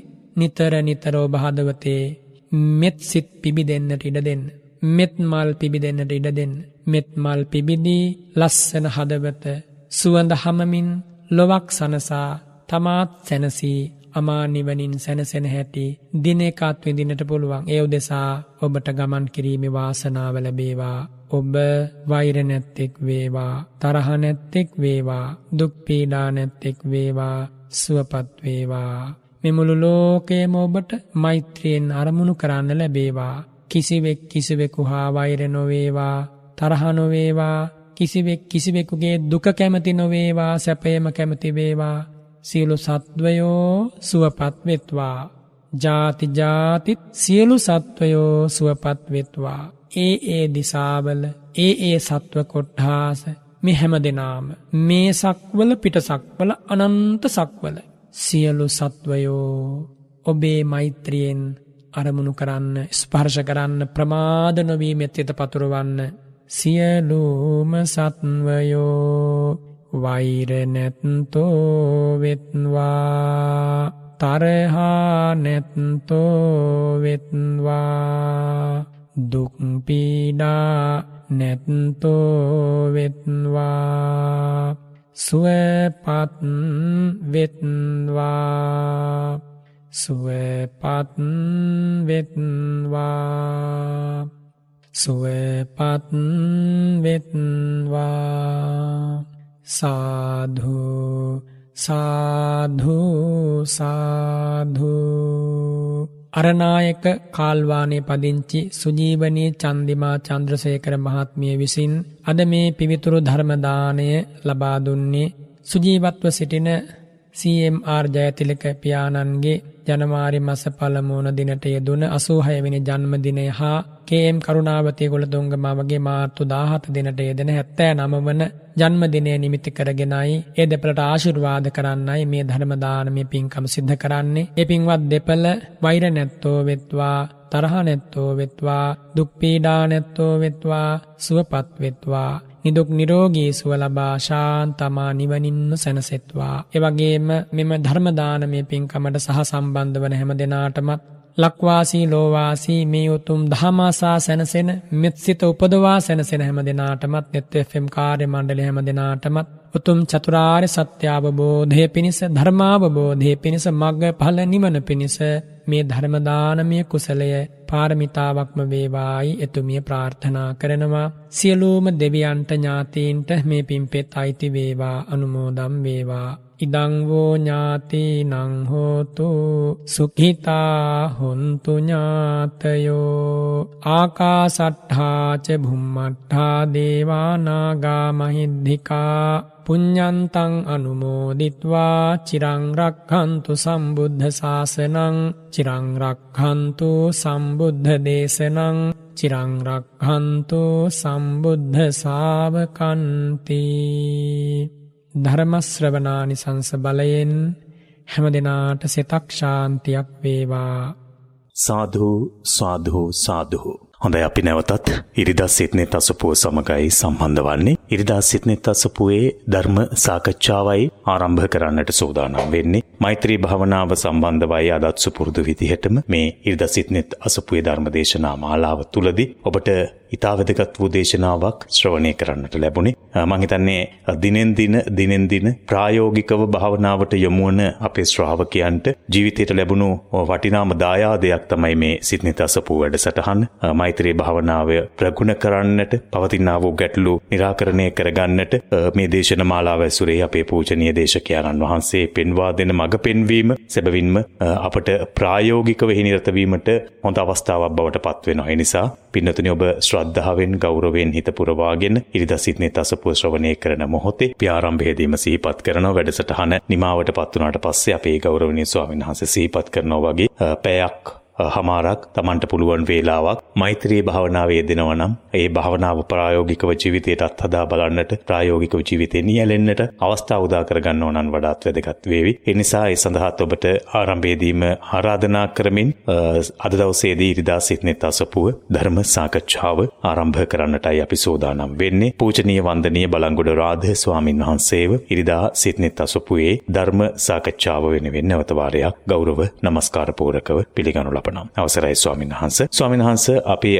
ඔබ වහන්සේ සිහිපත් කළ ආකාරයට දිශානුගතව මෛත්‍රිය වඩන ආකාරය අනුදිශාවලට දිශා අනුදිශාවලට මෛත්‍රිය වඩන ආකාරය පිළිබඳව දේශනාවේදී සිහිපත් කෙරුණා. අද අපි එවැනි ප්‍රශ්න යොමු කරපු අපේ ශ්‍රාවකයන්ට අවස්ථාව උදා කර දෙන්නට බලාපොරොත්තු වෙනවා. සනස මා ආරම්භයේදීම යොමු වෙන්නේ කිරිඳිවැල සීතා රත්නායක මහත්මිය යොමු කරලා තිබෙන ප්‍රශ්නයක්. ස්වාමීන් වහන්සේ ඉරිදා සිටින තසපු මහ බොහොම ගෞරවයෙන් ශ්‍රවණය කරන වැඩසටහනක් ඔබ වහන්සේ පෙන්වා දෙන මේ ධර්ම මාර්ගයේ නියැලෙන මට සැබවින්ම මෛත්‍රී භාවනාව වඩාත් වැදගත් වේවි. ඒ නිසා මා දැන් ප්‍රායෝගිකව මෛත්‍රී භාවනාව සඳහා යොමු වී සිටින වග සිහිපත් කරන්නට කැමැති බොහොම සතුටින්. ස්වාමීන් වහන්සේ මට ඇති ගැටලුව නම් මෛත්‍රිය වඩන විට නමින් ඒ ඒ පුද්ගලයන් සිහිපත් කිරීම මා සිදු කරනවා. එය සිදු කළ යුතු දෙයක්ද එසේ මෛත්‍රී වඩන විට නමින් සිහි කිරීම භාවනාවට ගැටලුවක් නැතිද කියන කාරණය තමයි සීතා මහත්මිය යොමු කරලා තිබෙන ප්‍රශ්නය සඳහන් වෙන්නේ ස්වාමීන් වහන්සේ මා ඔබ වහන්සේ වෙතට ඒ ප්‍රශ්නය ඇසුරෙන් අද ධර්ම සාකච්ඡාවට ප්‍රවේශය ලබා ගන්නට ඇරියුම් කරනවා. අවසර ස්වාමීන් වහන්සේ. අද සිත්නෙත් අසපුව ධර්ම සාකච්ඡාවට සවන් දෙන අතිපූජනීය මහා සංඝරත්නයෙන් අවසරයි පින්වත් වරුණ ඇතුළු සැදැහැති හැම දෙනාටම මේ උතුම් ධර්ම සාකච්ඡාව කවදා නමුත් ධර්මාවබෝධයෙන් සැනසීම පිණිසම හේතු වේවායි මම පළමු කොට ප්‍රාර්ථනා කරනවා. සාදු සාදු සාදු. සුසුඛං වත ජීවාම වේරිනේසු අවේරිනෝ වේරිනේසු මනුස්සේසු විහරාම අවේරිනෝ. බුදු සිරි මූ මඩලින් වදාළ බණ පදයක්. එයින් අදහස් කරන්නේ වරුණ බුදුරජාණන් වහන්සේ වදාරනවා මේ වෛරී මිනිසුන් මැද ඔවුනොවුන් අතර ගැටුම් ඇතිකරගෙන සිටින නොයෙක් විදි අර්බුද්ධවල පැටලිලා ඉන්න සත්වයන් මැද මම කිසිම වෛරයක් නැතිව සැපසේ සුවසේ වාසය කරනවා. ඔන්න බලන්න මෛත්‍රී ඇති ආනිසංසය. අපට පුළුවන් සුවසේ ජීවත් වෙන්නට නම් ඒකාන්තයෙන් මෛත්‍රී භාවනාව ජීවිතයට සම්බන්ධ කරගන්න. මෛත්‍රී වැඩිම පිළිබඳවයි අප ධර්ම දේශනාවේදී කතා කළේ. එතකොට වරුණ කෙනෙක් මෛත්‍රිය ප්‍රගුණ කරද්දී මුලින් ආරම්භ කරලා තමාට ඉන්නනතුරු හිතවන්තයන්ට මධ්‍යස්ථයන්ට අහිතවන්තයන්ට මේ විදිහට මෛත්‍රිය හොඳට ප්‍රගුණ කරගෙන එන ගමනේදී කෙනෙකුට පුද්ගලයෙකුගේ නමින් සිහි වෙනවා නම් කිසිම ගැටලුවක් නැහැ මුල් අවස්ථාවේ ඒ නමම සිහි කළා මෙත් වඩන්න. හැබැයි ඒක මෛත්‍රී චිත්තය හොඳට ප්‍රගුණ වුණාට පස්සේ සත්වය පුද්ගලයෝ වෙන් වෙන් වශයෙන් නම් වශයෙන් කොටස් කර කර එහෙම අරමුණු කරන්න අවශ්‍ය වන්නේ නැහැ. හොඳට මෙත් වැඩුණාම මෛත්‍රිය ප්‍රගුණ වුණාට පස්සේ පුළුවන්කම ලැබෙනවා සමස්ත සත්ව සමූහය අරමුණු කරගෙන මෙත් වඩන්න. එහිදී ක්‍රම දෙකක් දේශනා කරන බුදුරජාණන් වහන්සේ ඕදිසෝ පරණයත් අනෝදිසෝ පරණයත්. ඕදිසෝ කියන්නේ වරුණ යම් සත්ව කොට්ටාසයක් හෝ පුද්ගල කොට්ටාසයක් තෝරාගෙන දිසා වශයෙන් හෝ තෝරාගෙන වෙන්වෙන් වශයෙන් මෙත් වැඩීම නැගෙනහිර දෙසාව ගත්තොත් නැගෙනහිර දෙසාවේ සියලු සත්වයෝ. ඒ වෙලාවේ දකුණු දිශාව අරමුණු වෙන්නේ නැහැ. ඒ වෙලාවේ බටහිර දිශාව අරමුණු වෙන්නේ නැහැ. අන්න එකට කියන ඕදිසෝ පරණය කියලා. එතකොට පුද්ගලයෙක්ගේ නමක් සිහිපත් කළ මෙත් වැඩීමත් අයිතිවන්නේ ඕදිසෝ පරණයට. නැත්තම් උදෙසා යම් සත්වයක උදෙසා මෙත් වැඩීම. අනෝදිසෝ පරණයයි කියලා දේශනා කරන්නේ එසේ දිශා වශයෙන් හෝ සත්ව වශයෙන් විශේෂයක් නොගෙන සියලු දිසාවන්හි සියලු සත්වයෝ. එහෙම නැත්තම් සියලු සත්වයෝ කියලා මෙත් වැඩීම. ඉතින් මේ ක්‍රම දෙකේම අපට පුළුවන් මෛත්‍රී චිත්තය හොඳට ප්‍රගුණ කරන්න ආරම්භක අවස්ථාවේදී වරුණ කෙනෙකුගේ නමක් සිහි කරලා Tamanට අවශ්‍ය නම් එහෙම මෛත්‍රී කරාට කමක් නැහැ. නමුත් මෛත්‍රී භාවනාව දියුණු කරන්න බලාපොරොත්තු වන කෙනා ඒ බඳු පුද්ගල නාමයන් සිහිපත් කරන්නට නොයා සමූහයක් කරන අරමුණු කිරීමේ හැකියාව දියුණු කළ යුතුය. මෛත්‍රියට නමක් නේ වරුණ අප්පමඤ්ඤා කියලා කියන්නේ. පමඤ්ඤා කියලාගෙන ප්‍රමාණ සහිතයි කියන එක. අප්‍රමඤ්ඤා කියන්නේ එහෙම ප්‍රමාණ කරන්නට බෑ. එහෙනම් ප්‍රමාණ කළ නොහැකි අප්‍රමාණ සත්වයන් අරමුණු කරගෙන වඩන්නා වූ චිත්තයට තමයි මේ මෛත්‍රිය නැත්තම් අප්‍රමඤ්ඤාව කියලා කියන්නේ. තවත් අප්‍රමඤ්ඤා තුනක් තියෙනවා. කරුණා, මුදිතා, උපේක්ෂා කියලා. ඒ අතරින් පළමුවන තමයි මෛත්‍රිය. මෛත්‍රියෙන් තොරව වරුණ කරුණා භාවනාව හෝ මුදිතා භාවනාව හෝ උපේක්ෂා භාවනාව වඩන්නට බෑ. එනිසා මෛත්‍රිය හොඳට ප්‍රගුණ විය යුතුයි සෙසු බ්‍රහ්ම විහාර තුනම වැඩිම පිණිස. මේවට කියනවා බ්‍රහ්ම විහාර කියලා. එතකොට බුදුරජාණන් වහන්සේ දේශනා කරන වරුණ යම් පුද්ගලයෙක් එකම සත්වයක් ගැන හෝ එක්කම සත්වයෙක් ගැන හෝ මෛත්‍රියෙන් වාසය කරනවා නම් කුසලී තේන හෝති. එයා කුසල දක්ෂයෙක් කියලා කියන්න පුළුවන් මේ ධර්ම මාර්ගය තුළ. එනිසා කාගේ හරි නමක් සිහි කරලා හෝ එකම කෙනෙක් අරමුණු කරලා හෝ මෛත්‍රියෙන් විහරණය කරන්නට පුළුවන් නම් එයා සැබවින්ම මේ ධර්ම මාර්ගය තුළ ශාස්ත්‍රු ශාසනය තුළ දක්ෂයෙක්. වෛරයෙන් අත මිදීම පිණිස අපගේ ඒ වෑයම බුදුරජාණන් වහන්සේ අනේක වාරයක් ප්‍රශංසා කොට වදාලා. එනිසා ඒ පින්වත් මෑණියන් අහපු ප්‍රශ්නයට අනුව ඒ විදිහට ආරම්භක අවස්ථාවේ මෛත්‍රී වැඩීම කිසිම වරදක් නෑ. නමුත් ඉස්සරහට යද්දී අපි මේ ධර්මානුකූලව ශ්‍රී සද්ධර්මයට අනුව ලබා දුන් උපදේශ මාලාවේම පිහිටලා ඉදිරියට මෙත් සිත වඩන්න කියලා අපි බොහොම මෛත්‍රියෙන් සිහිපත් කරනවා. හොඳයි මම හිතන්නේ ඔබට හොඳ අනුශාසනාවක් ඔබේ ගැටලුවට හොඳ පිළිතුරක් අනුශාසනාවක් ඔබට ශ්‍රවණය කරන්නට හැකියාව ලැබුණේ සීතා මහත්මිය අපට මීට පෙරත් වැඩසටහනවලදී මෙවැනි ප්‍රශ්න ඉදිරිපත් කර තිබෙනවා ධර්මයට යොමු වුණු මවක්. ඒ වගේම ස්වාමීන් වහන්සේ අපට තවත් යොමු කරලා තිබෙන ප්‍රශ්නයක් තිබෙනවා මේ ප්‍රශ්නය තෝරාගත්තේ ස්වාමීන් වහන්සේ සැබවින්ම සමාජයේ යම් කෙනෙක් ධර්මයට ඒමට යොමු වී තිබෙනවා නම් Tamanගේ අසත්පුරුෂ ගති අත්හැරලා ඒක හරි වැදගත් වෙන නිසාවෙන්ම ඒ ප්‍රශ්නය යොමු කරලා තිබෙන්නේ රාජගිරියේ සිට නම සඳහන් කරලා නැහැ ස්වාමීන් වහන්සේ. එතුමන් යොමු කරලා තියෙන ප්‍රශ්නය මම අවුරුදු 47ක පුද්ගලයෙක් මා වැරදි වැඩවලට දිගින් දිගට යොමු සිටි පුද්ගලයෙක් ස්වාමීන් වහන්සේ. එනිසා මීට වසරකට පමණ පෙර මම සිරගතව සිට නිදහස් වී පැමිණි කෙනෙක් විශේෂයෙන්ම ස්වාමීන් වහන්සේ එතුමන් සිහිපත් කරලා තිබෙන්නේ ස්වාමීන් වහන්සේ මම net fm රේඩියෝවේ සිටනෙත් අසපුව දිගින් දිගටම ශ්‍රවණය කරන ඇසුරේ විශේෂයෙන්ම ඔබ වහන්සේගේ ධර්ම දේශනාවන් වැඩසටහන මම දිගටම ශ්‍රවණය කළා ඒ දේශනාව ඇසුරේ මටත් මගේ හිත හදාගන්නට ලොකු ශක්තියක් ලැබුණායි කියලා සිහිපත් කරලා තිබෙනවා. එතුමන්ගේ ප්‍රශ්නේ ස්වාමින් වහන්සේ එතුමන් දැඩිව අසත්පුරුෂ ගති නැත්තම් පවට යොමු වෙලා තිබෙනවා කියලා තමයි එතුමන් සඳහන් කරලා තිබුණේ. ලොකු ලොකු වැරදි මගේ අතින් සිදු වුණා දිගින් දිගටම. ඒ නිසා තමයි මා සිරගත වුණේ. ස්වාමින් වහන්සේ මට දැන් ධර්ම මාර්ගයට ඒමට දැඩි වුවමනාවක් තිබෙනවා. භාවනා කිරීමේ දැඩි වුවමනාවක් තිබෙනවා, කැමැත්තක් තිබෙනවා. නමුත් ස්වාමීන් වහන්සේ භාවනාවට යොමු විට මට හුස්ම ගැනීමේ දැඩි අපහසුතාවයක් මතුවෙනවා. සිත කොතරම් පාලනය කරන්න හැදුවත් මනක් කල්පිත Taman කරපු පෙර වැරදිම සිහියට ඇදී එනවා. එවිට තරහක් ද්වේෂයක් මගේ හිතේ මතුවෙනවා. ස්වාමීන් වහන්සේ මට පිළිසරණක් වෙන්න මට භාවනා කරන්න බැරිද ධර්ම මාර්ගයේ හැසිරෙන්න බැරි වේවිද කියලා තමයි එතුමන් විමසලා තිබෙන්නේ. නම සඳහන් කරලා නැහැ ස්වාමීන් වහන්සේ. එතුමන්ට දැඩි වුවමනාවක් තියෙන වග නම් පැහැදිලිව පේනවා මේ සඳහා යොමු වෙන්නට. මිනිස්සෙක් සදාතනික වැරදිකාරයෙක් වෙන්නේ නැහැනේ කවදාකවත්. ඒ නිසා පුද්ගලයෙකුගේ ජීවිතවල ඕන තරම් වැරදි අඩුපාඩු සිද්ධ වෙච්ච අවස්ථා තියෙනවා. එනිසා ඒ පින්වත් මහත්මා මේ වෙලාවේ කල්පනා කරන්නට ඕන එයාගේ අතින් පංචානන්තරිය පාප කර්ම වෙලා නැහැනේ වරුණ. එතකොට හිරේ නෙමෙයි කොහි වැටලා හිටියත් මේ ලෝකෙම ඉන්න මිනිස්සු ඝාතනය කරලා හිරේ වැටලා ඉඳලා එළියට ආවත් පංචානන්තරිය පාපයක් එයාගෙන් වෙලා නැත්නම් වරුණ මේ ජීවිතේ යාට ධර්ම මාර්ගේ විවෘතයි. පංචානන්තරයෙන් එකක් වෙලා තිබුණත් වරුණ ධර්මයේ පුරුදු කරොත් එයාට ඒක මෝඝ ප්‍රතිපදාවක් වෙන්නේ නැහැ හිස් වෙන්නේ නැහැ. කවදා නමුත් සැනසීමට හේතු වෙනවා. අජාත සත්තු කියන්නේ තාත්තා මරපු කෙනෙක්. දේවදත්ත කියලා කියන්නේ බුදුරජාණන් වහන්සේගේ ශ්‍රී ශරීරයේ ලේසොලවපු කෙනෙක්. හැබැයි ඒ දෙන්නටම විවරණ ලැබුණා නේද? අනාගතේ පසේ බුද්ධ රාජරපත් වෙනවා කියලා. එතකොට මම මේ කියන්නේ මේ ධර්මයට කෙබඳු තරාතිරමක කෙනෙක් ආවත් ඒ පුද්ගලයාගේ තරාතිරම හෝ එයා කරපු කේපුදේ අතීත චරිතය වැදගත් වෙන්නේ නැහැ. අතීත චරිතය අපි කාගෙත් සංසාරේ දැන් අද අපි මෙහෙම හිටියට අපි කොච්චර මිනිමරලද්ද සංසාරේ? කොච්චර පහත් වැඩ කරලා ඇතිද? ඒවට කොච්චර විපාක විඳලා ඇතිද? තව විඳින්න කොච්චර ඇතිද?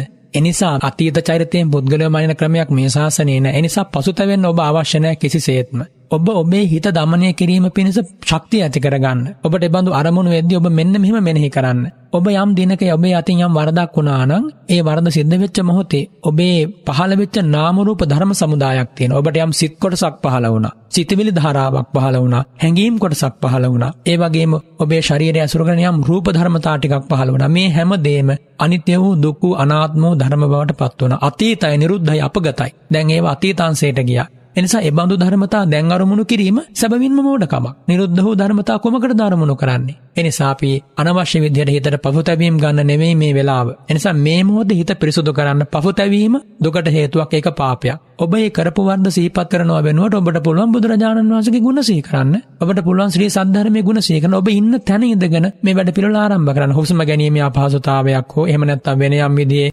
මානසික පීඩාවක් හෝ වෙනවන ඒකත් ඔබ දකින්න බලන්න අනිත්‍ය වශයෙන්. ඔය හුස්ම ගැනීමේ අපහසුතාවේ දිගට පවතින එකක් නෙමේ ඔබේ ශරීරය යම් දාහකර ආයාසකර ගතියක් ඇතුන ඒක අනිත්‍ය වශයෙන් හොඳට බලන්න. ඒක නිත්‍ය ස්වභාවයක් නෑ කියලා ඔබට දැක ගන්න ලැබිච්ච ගමම්ම ඒ අරමුණේ ඔබ තදින්ම ගිලෙන්නේ නෑ. එනිසා ඔබේ හිත සකස් කර ගැනීමට බුදුරජාණන් වහන්සේ පිරිසුදු මාර්ගයේ පැහැදිලි මාර්ගය දේශනා කරලා තියෙනවා. කවුරුවත් මේ ලෝකේ වරුණ අසරණ වෙලා නැහැ. එනිසා මේ ඉන්න තැන ඉන්න මානසිකත්වයේ බොහොම හොඳයි ඉස්සරහට යන්න කැමති කෙනෙකුට. හැබැයි වරුණ අඩුපාඩු දැක දැක ඒවට පිළියම් කරන්නේ නැත්නම් අර කිව්ව වගේ පසු තැවෙන කරුණු මතක් කර කර ඒ වගේම ගිලිලා ඉන්නව නම් ඒකට කරන්න උත්තරයක් නෑ වරුණ. තමන්මයි නැගී සිටින්නට ඕනේ. අපි අත දෙනවා මඩෙන් ගොඩ එන්න කියලා. එතකොට යා කැමති නැත්නම් මඩෙන් ගොඩ එන්න. එතකොට බුදුරජාණන් වහන්සේ දේශනා කරනවා අසුචියෙන් තවරිච්ච මිනිස්සෙකුට ගලාගෙන යන සීල් දිය ධාරාවක් පේනවා. අපි කියන බහැලා නාගන්න කියලා. එයා නාගන්න නැත්නම් එතන දේශකයන් වහන්සේගේ හෝ ධර්මයේ වැරද්දක් නෙවෙයි. ඒ නිසා කවුරුන් හෝ මේ ජීවිතයේ එහෙම පසුතැවෙන සිදුවීම් මෙනෙහි කර කර පසුතැවෙනවා නම් ඒක පළක් වන්නේ නැහැ. ඒකත් අකුසලයක්. කිසි කෙනෙක් පසුතැවෙන්න අවශ්‍ය නැහැ. බුදුරජාණන් වහන්සේගේ ධර්මයේ මුණ ගැහිච්ච වෙලාවේ මේ තත්පරේ ඉඳන් නිවැරදි වෙන්නයි අපිට මේ ධර්ම මාර්ගයේ තියෙන වරුණ. පෙර සිද්ධ වෙච්ච දේවල් වලට විපාක එන්න පුළුවන්. විපාක නොවෙන්නත් පුළුවන්. එනිසා ඒ විපාක ඒම හෝ නොවේම හෝ ඒවට මුහුණදීම හෝ නෙවෙයි අපි කල්පනා කළ යුත්තේ මේ මොහොතේ කොහොමද චිත්ත සමාධියක් ඇති කරගෙන මේ මොහොතේ සිල්ලත් වෙන්නේ කොහොමද බුදුරජාණන් වහන්සේ දේශනා කරන වර්ණ යෝච වස සතන් ජීවේ දුස්සීලෝ අසමාහිතෝ ඒකහං ජීවිතං සෙය්‍යෝ සීලවන්තස්ස ජහයිනෝ අවුරුදු 100ක් ජීවත් වෙන එකෙන් පළක් නෑ දුස්සීල. හැබැයි එක දවසක් සිල්වත්ව ජීවත් වෙන්න ඒක ශ්‍රේෂ්ඨ දවසක් වෙනවා. ඉතින් ඒ නිසා අතීතය ගැන අපි සිහිපත් කරන්න අවශ්‍ය නෑ 아무තුවෙන්. කාගේ ජීවිතවලද අතීත සංසාරයේ පවු නොකිරලා තියෙන්නේ. මහා බෝවතාණන් වහන්සේගේ අතුනොත් කොච්චරනම් ಜಾති ಜಾති පව් සිද්ධ වෙච්ච අවස්ථා තියෙනවද? බුදුරජාණන් වහන්සේ දේශනා කරන්නේ මගේ ඇති මෙහෙම මෙහෙම දේවල් සිද්ධ වුණා කියලා. මහරහත් උතුමන්ගේ ඇති මොග්ගල්ලාන මහරහතන් වහන්සේ මේ උත්තම අග්‍රශාවකයෙක් වෙන පාරමී පුරාගෙන ධානන්තරයක් පවා සිද්ධ වුණා. ඒක විපාකයේ අරහත්වයට පත්වෙච්ච ජීවිතේම ආවා. ඉතින් ඒ නිසා ඒ පින්වතාට බොහෝම හොඳයි. අනිත්‍ය වශයෙන් දුක් වශයෙන් අනාත්ම වශයෙන් හැමදේම දෙස බලන්න පුරුදු වෙන්න. මේ මේ ජීවිතේ බොහෝ දේවල් මුණ ගැහුණ අරමුණු වශයෙන් මුණ ගැහුණ පුද්ගලයෝ වශයෙන් මුණ ගැහුණ නොඑක් දේවල් සිද්ධ වුණා ජීවිතේ නොඑක් වෙනස්කම් වලට භාජනය වුණා. ඒ හැම දෙයක්ම කාලානුරූපීව වෙනස් වෙවි වෙනස් වෙවි වෙනස් වෙවි කියලා අද එහා ධර්ම මාර්ගයට ඇවිල්ලා තියෙනවා. වටිනාම තැන අද ඉන්නේ. අද ඒ සතුටු වෙන්න ඕනි. කින්නු රෝදති. ඇයි අඬන්නේ? හාසකාලී උපට්ඨිතේ. සතුටු වෙන්න ඕනි අවස්ථාවක් ලැබුණාට පස්සේ පසුතැවෙන්න එපා. දැන් ඔබේ ජීවිතේ පාරිශුද්ධිය බලා ගමන් කරනවා මේ සිත්නෙත් අසපුවත් එක්ක එකතු වෙලා ඔබට පුළුවන් ඔබේ ජීවිතය හරි ගස්ස ගන්න. එනිසා ඔබ ලස්සන කෙනෙක් වෙන්න. ඔබ වැරදි වලින් අඩුපාඩු වලින් සදා කල්ලි අත මිදෙන්න. අඟුලිමාල මහරහතන් වහන්සේ තරම් ඔය අත්ත මිනිහ මරලා නෑනේ වරුණෝ කියන කෙනා. එතකොට අංගුලිමාල උතුමන් වහන්සේ දහස් ගණන් මරලා මහරහතන් වහන්සේ නමක් යටියට මේ මහ පොළවේ සත්‍යක්‍රියාවක් සිද්ධ කරලා කල්පස්තහයි ප්‍රාතිහාරයක් සිද්ධ කරලා පිරිනිවන් වැඩි. ඉතින් එනිසා මේ සසර දුකින් අත මිදෙන්න පුළුවන්. මේ ධර්ම මාර්ගය පුරුදු කරන්න පුළුවන්. පුංචි වැරදි වලට මේ මනසේ මහ පුදුමාකාර පහත් ස්වභාවයක් තමයි. පුංචි වැරද්ද මතු කරලා අරගෙන ඒ ඔස්සේ පසුතැවීම ඇති කරලා අපව පුදුම විදිහට වර්තනවා වරුණ. හැබැයි අපේ ජීවිතවල තියෙන වටිනා ගුණ ධර්ම මතු කරලා ගුණය අනුමෝදන් වෙන අවස්ථාවක් අපේ මනස අපිට හදලා දෙන්නේ නැහැ. ඕක තමයි මනසේ තියෙන අවිද්‍යාව මෝහය කියලා කියන්නේ. එනිසා හැමදාම හොඳ දේවල් ජීවිතේට ලං කරගෙන පුංචි හොඳ දෙයක් හරි කළා සතුටු වෙන්න පුළුවන් හදවතක් ඇති කරගන්න. එමගින් ඔබට මේ ධර්ම මාර්ගයේ ඉදිරියට යන්න පුළුවන්. හොඳයි ස්වාමීන් වහන්සේ ඔබ වහන්සේ ඒ පිළිතුරේදී සිහිපත් කරපු කාරණාවක් තමයි පෙරත් ඔබ වහන්සේ සිහිපත් කළා මේ සිත්නෙත් අසපු වැඩසටහන තුලදීම එවැනි ද්වේෂ සහගත නැත්නම් මනක්කල්පිත විවිධ තමන් කරපු වැරදි සංකල්පනාවන් හිතට එනකොට එවෙන් මිදෙන්නට බුදුගුණ සිහි කරන්නට කියලා සවනංශ. ඇතරම මේ ප්‍රායෝගිකව භාවනා වේදන අයටම හිතන්නේ අලුත් අත්දැකීමක් බවට පත් වෙනවා. මොකද මම පෙරත් අපේ යොමු කරපු ප්‍රශ්නවලදී එවැනි තත්වයන් කවදාවත් දැකලා තිබුණේ නැහැ ස්වාමීන් වහන්සේ. කියන්නේ මෛත්‍රී භාවනාව වඩන කෙනෙකුගේ සිතේ අකුසල සිතුවිලි මතුවෙන විට ඔබ වහන්සේ සිහිපත් කරනවා බුදුරජාණන් වහන්සේ සිහිපත් කරන්න කියලා. මේ උපක්‍රමයක්ද මේ මේ භාවනාවේදී තමන්ගේ හිත යම් තැන්පත් ස්වරූපයකට පත් කරගන්නට කරන්නා වූ ක්‍රමවේදයක්. දැක්කමද ස්වාමීන් වහන්සේ බුදුරජාණන් වහන්සේ සිහිපත් කිරීම තුළ අපි බලාපොරොත්තු විය යුත්තේ.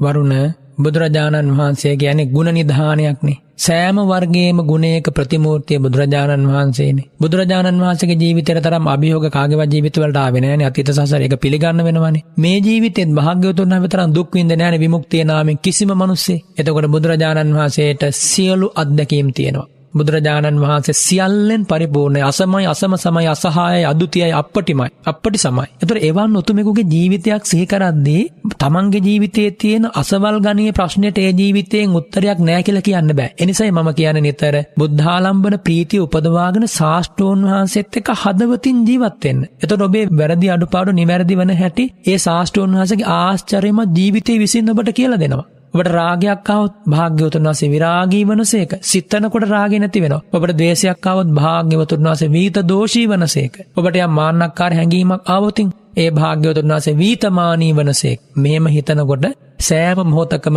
හිතේ සමාධී ඇතිවෙන්නට අවශ්‍ය කරන සම්භාර රැස් වෙනවා. එනිසා මොකක් හරි තැනක ජීවිතේ පසුතැවීමක් හරි අතපසුවීමක් හරි වෙන යම් මානසික විඝාතයක් හරි දුකට පක්ෂ කාරණයක් මතුවෙනකොට ඒ කාන්තෙන් බුදුරජාණන් වහන්සේ ගුණ සීකරන සියලු භාවනාවන්හි ජීවය වන්නේ බුද්ධානුසති භාවනාව. එක හොන්දට මෙනෙහි කරන්න. එකන සෑම භාවනාවක්ම වැඩෙන්නේ බුදුරජාණන් වහන්සේගේ ජීවිතය නම් වූ ඒ ජීවිතය සිහිකිරීම නම් වූ ඒ ජීවිතය සිහිකිරීම නැතිවන බුද්ධාලම්බන ප්‍රීතිය නම් වූ එන්නේ ජීවය මතේ ප්‍රාණය මත් සෑම භාවනාවකම ප්‍රාණවායුව වගේ බුද්ධාරම්මණය නැත්තම් බුද්ධානුසති භාවනාව. එයින් තොරව මේ ශාස්ට්‍රු ශාසනය වැඩෙන භාවනාවක් නෑ. එනිසා ආනාපානය වේවා මෛත්‍රිය වේවා කායගතා සතිය වේවා සතිපට්ඨානයට අදාළ ඕනෑම භාවනාවකට ජවය ලබා දෙන්න ශක්තිය ලබා දෙන්නේ ආරම්භය ලබා දෙන්නේ මූලය ලබා දෙන්නේ වැඩිච්ච තැනක නැගිටින්න අත දෙන්නේ බුද්ධානුස්සති භාවනාවෙන්. එනිසා මෛත්‍රී භාවනාව කරගෙන ගිහලා යම් දවසක ද්වේෂයක් ඇති වෙලා වරුණ බලපෑමක් ආවොතින් එහෙම الكلمة අන්නේ වෙලාවෙත් මෛත්‍රියෙන් යම්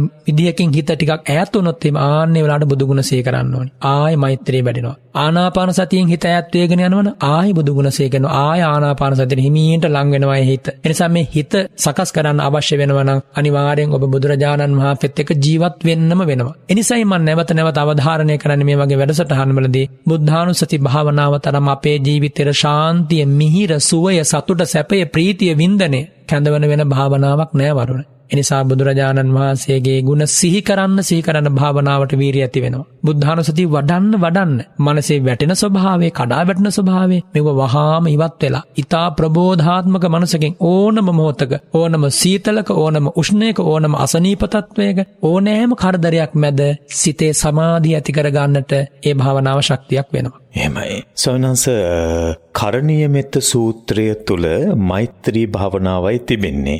හැබැයි අපි පිරිතක් ලෙස හැමදෑම මේ කරණීය මෙත්ත සූත්‍රයේ සජ්ජායනා කරනවා.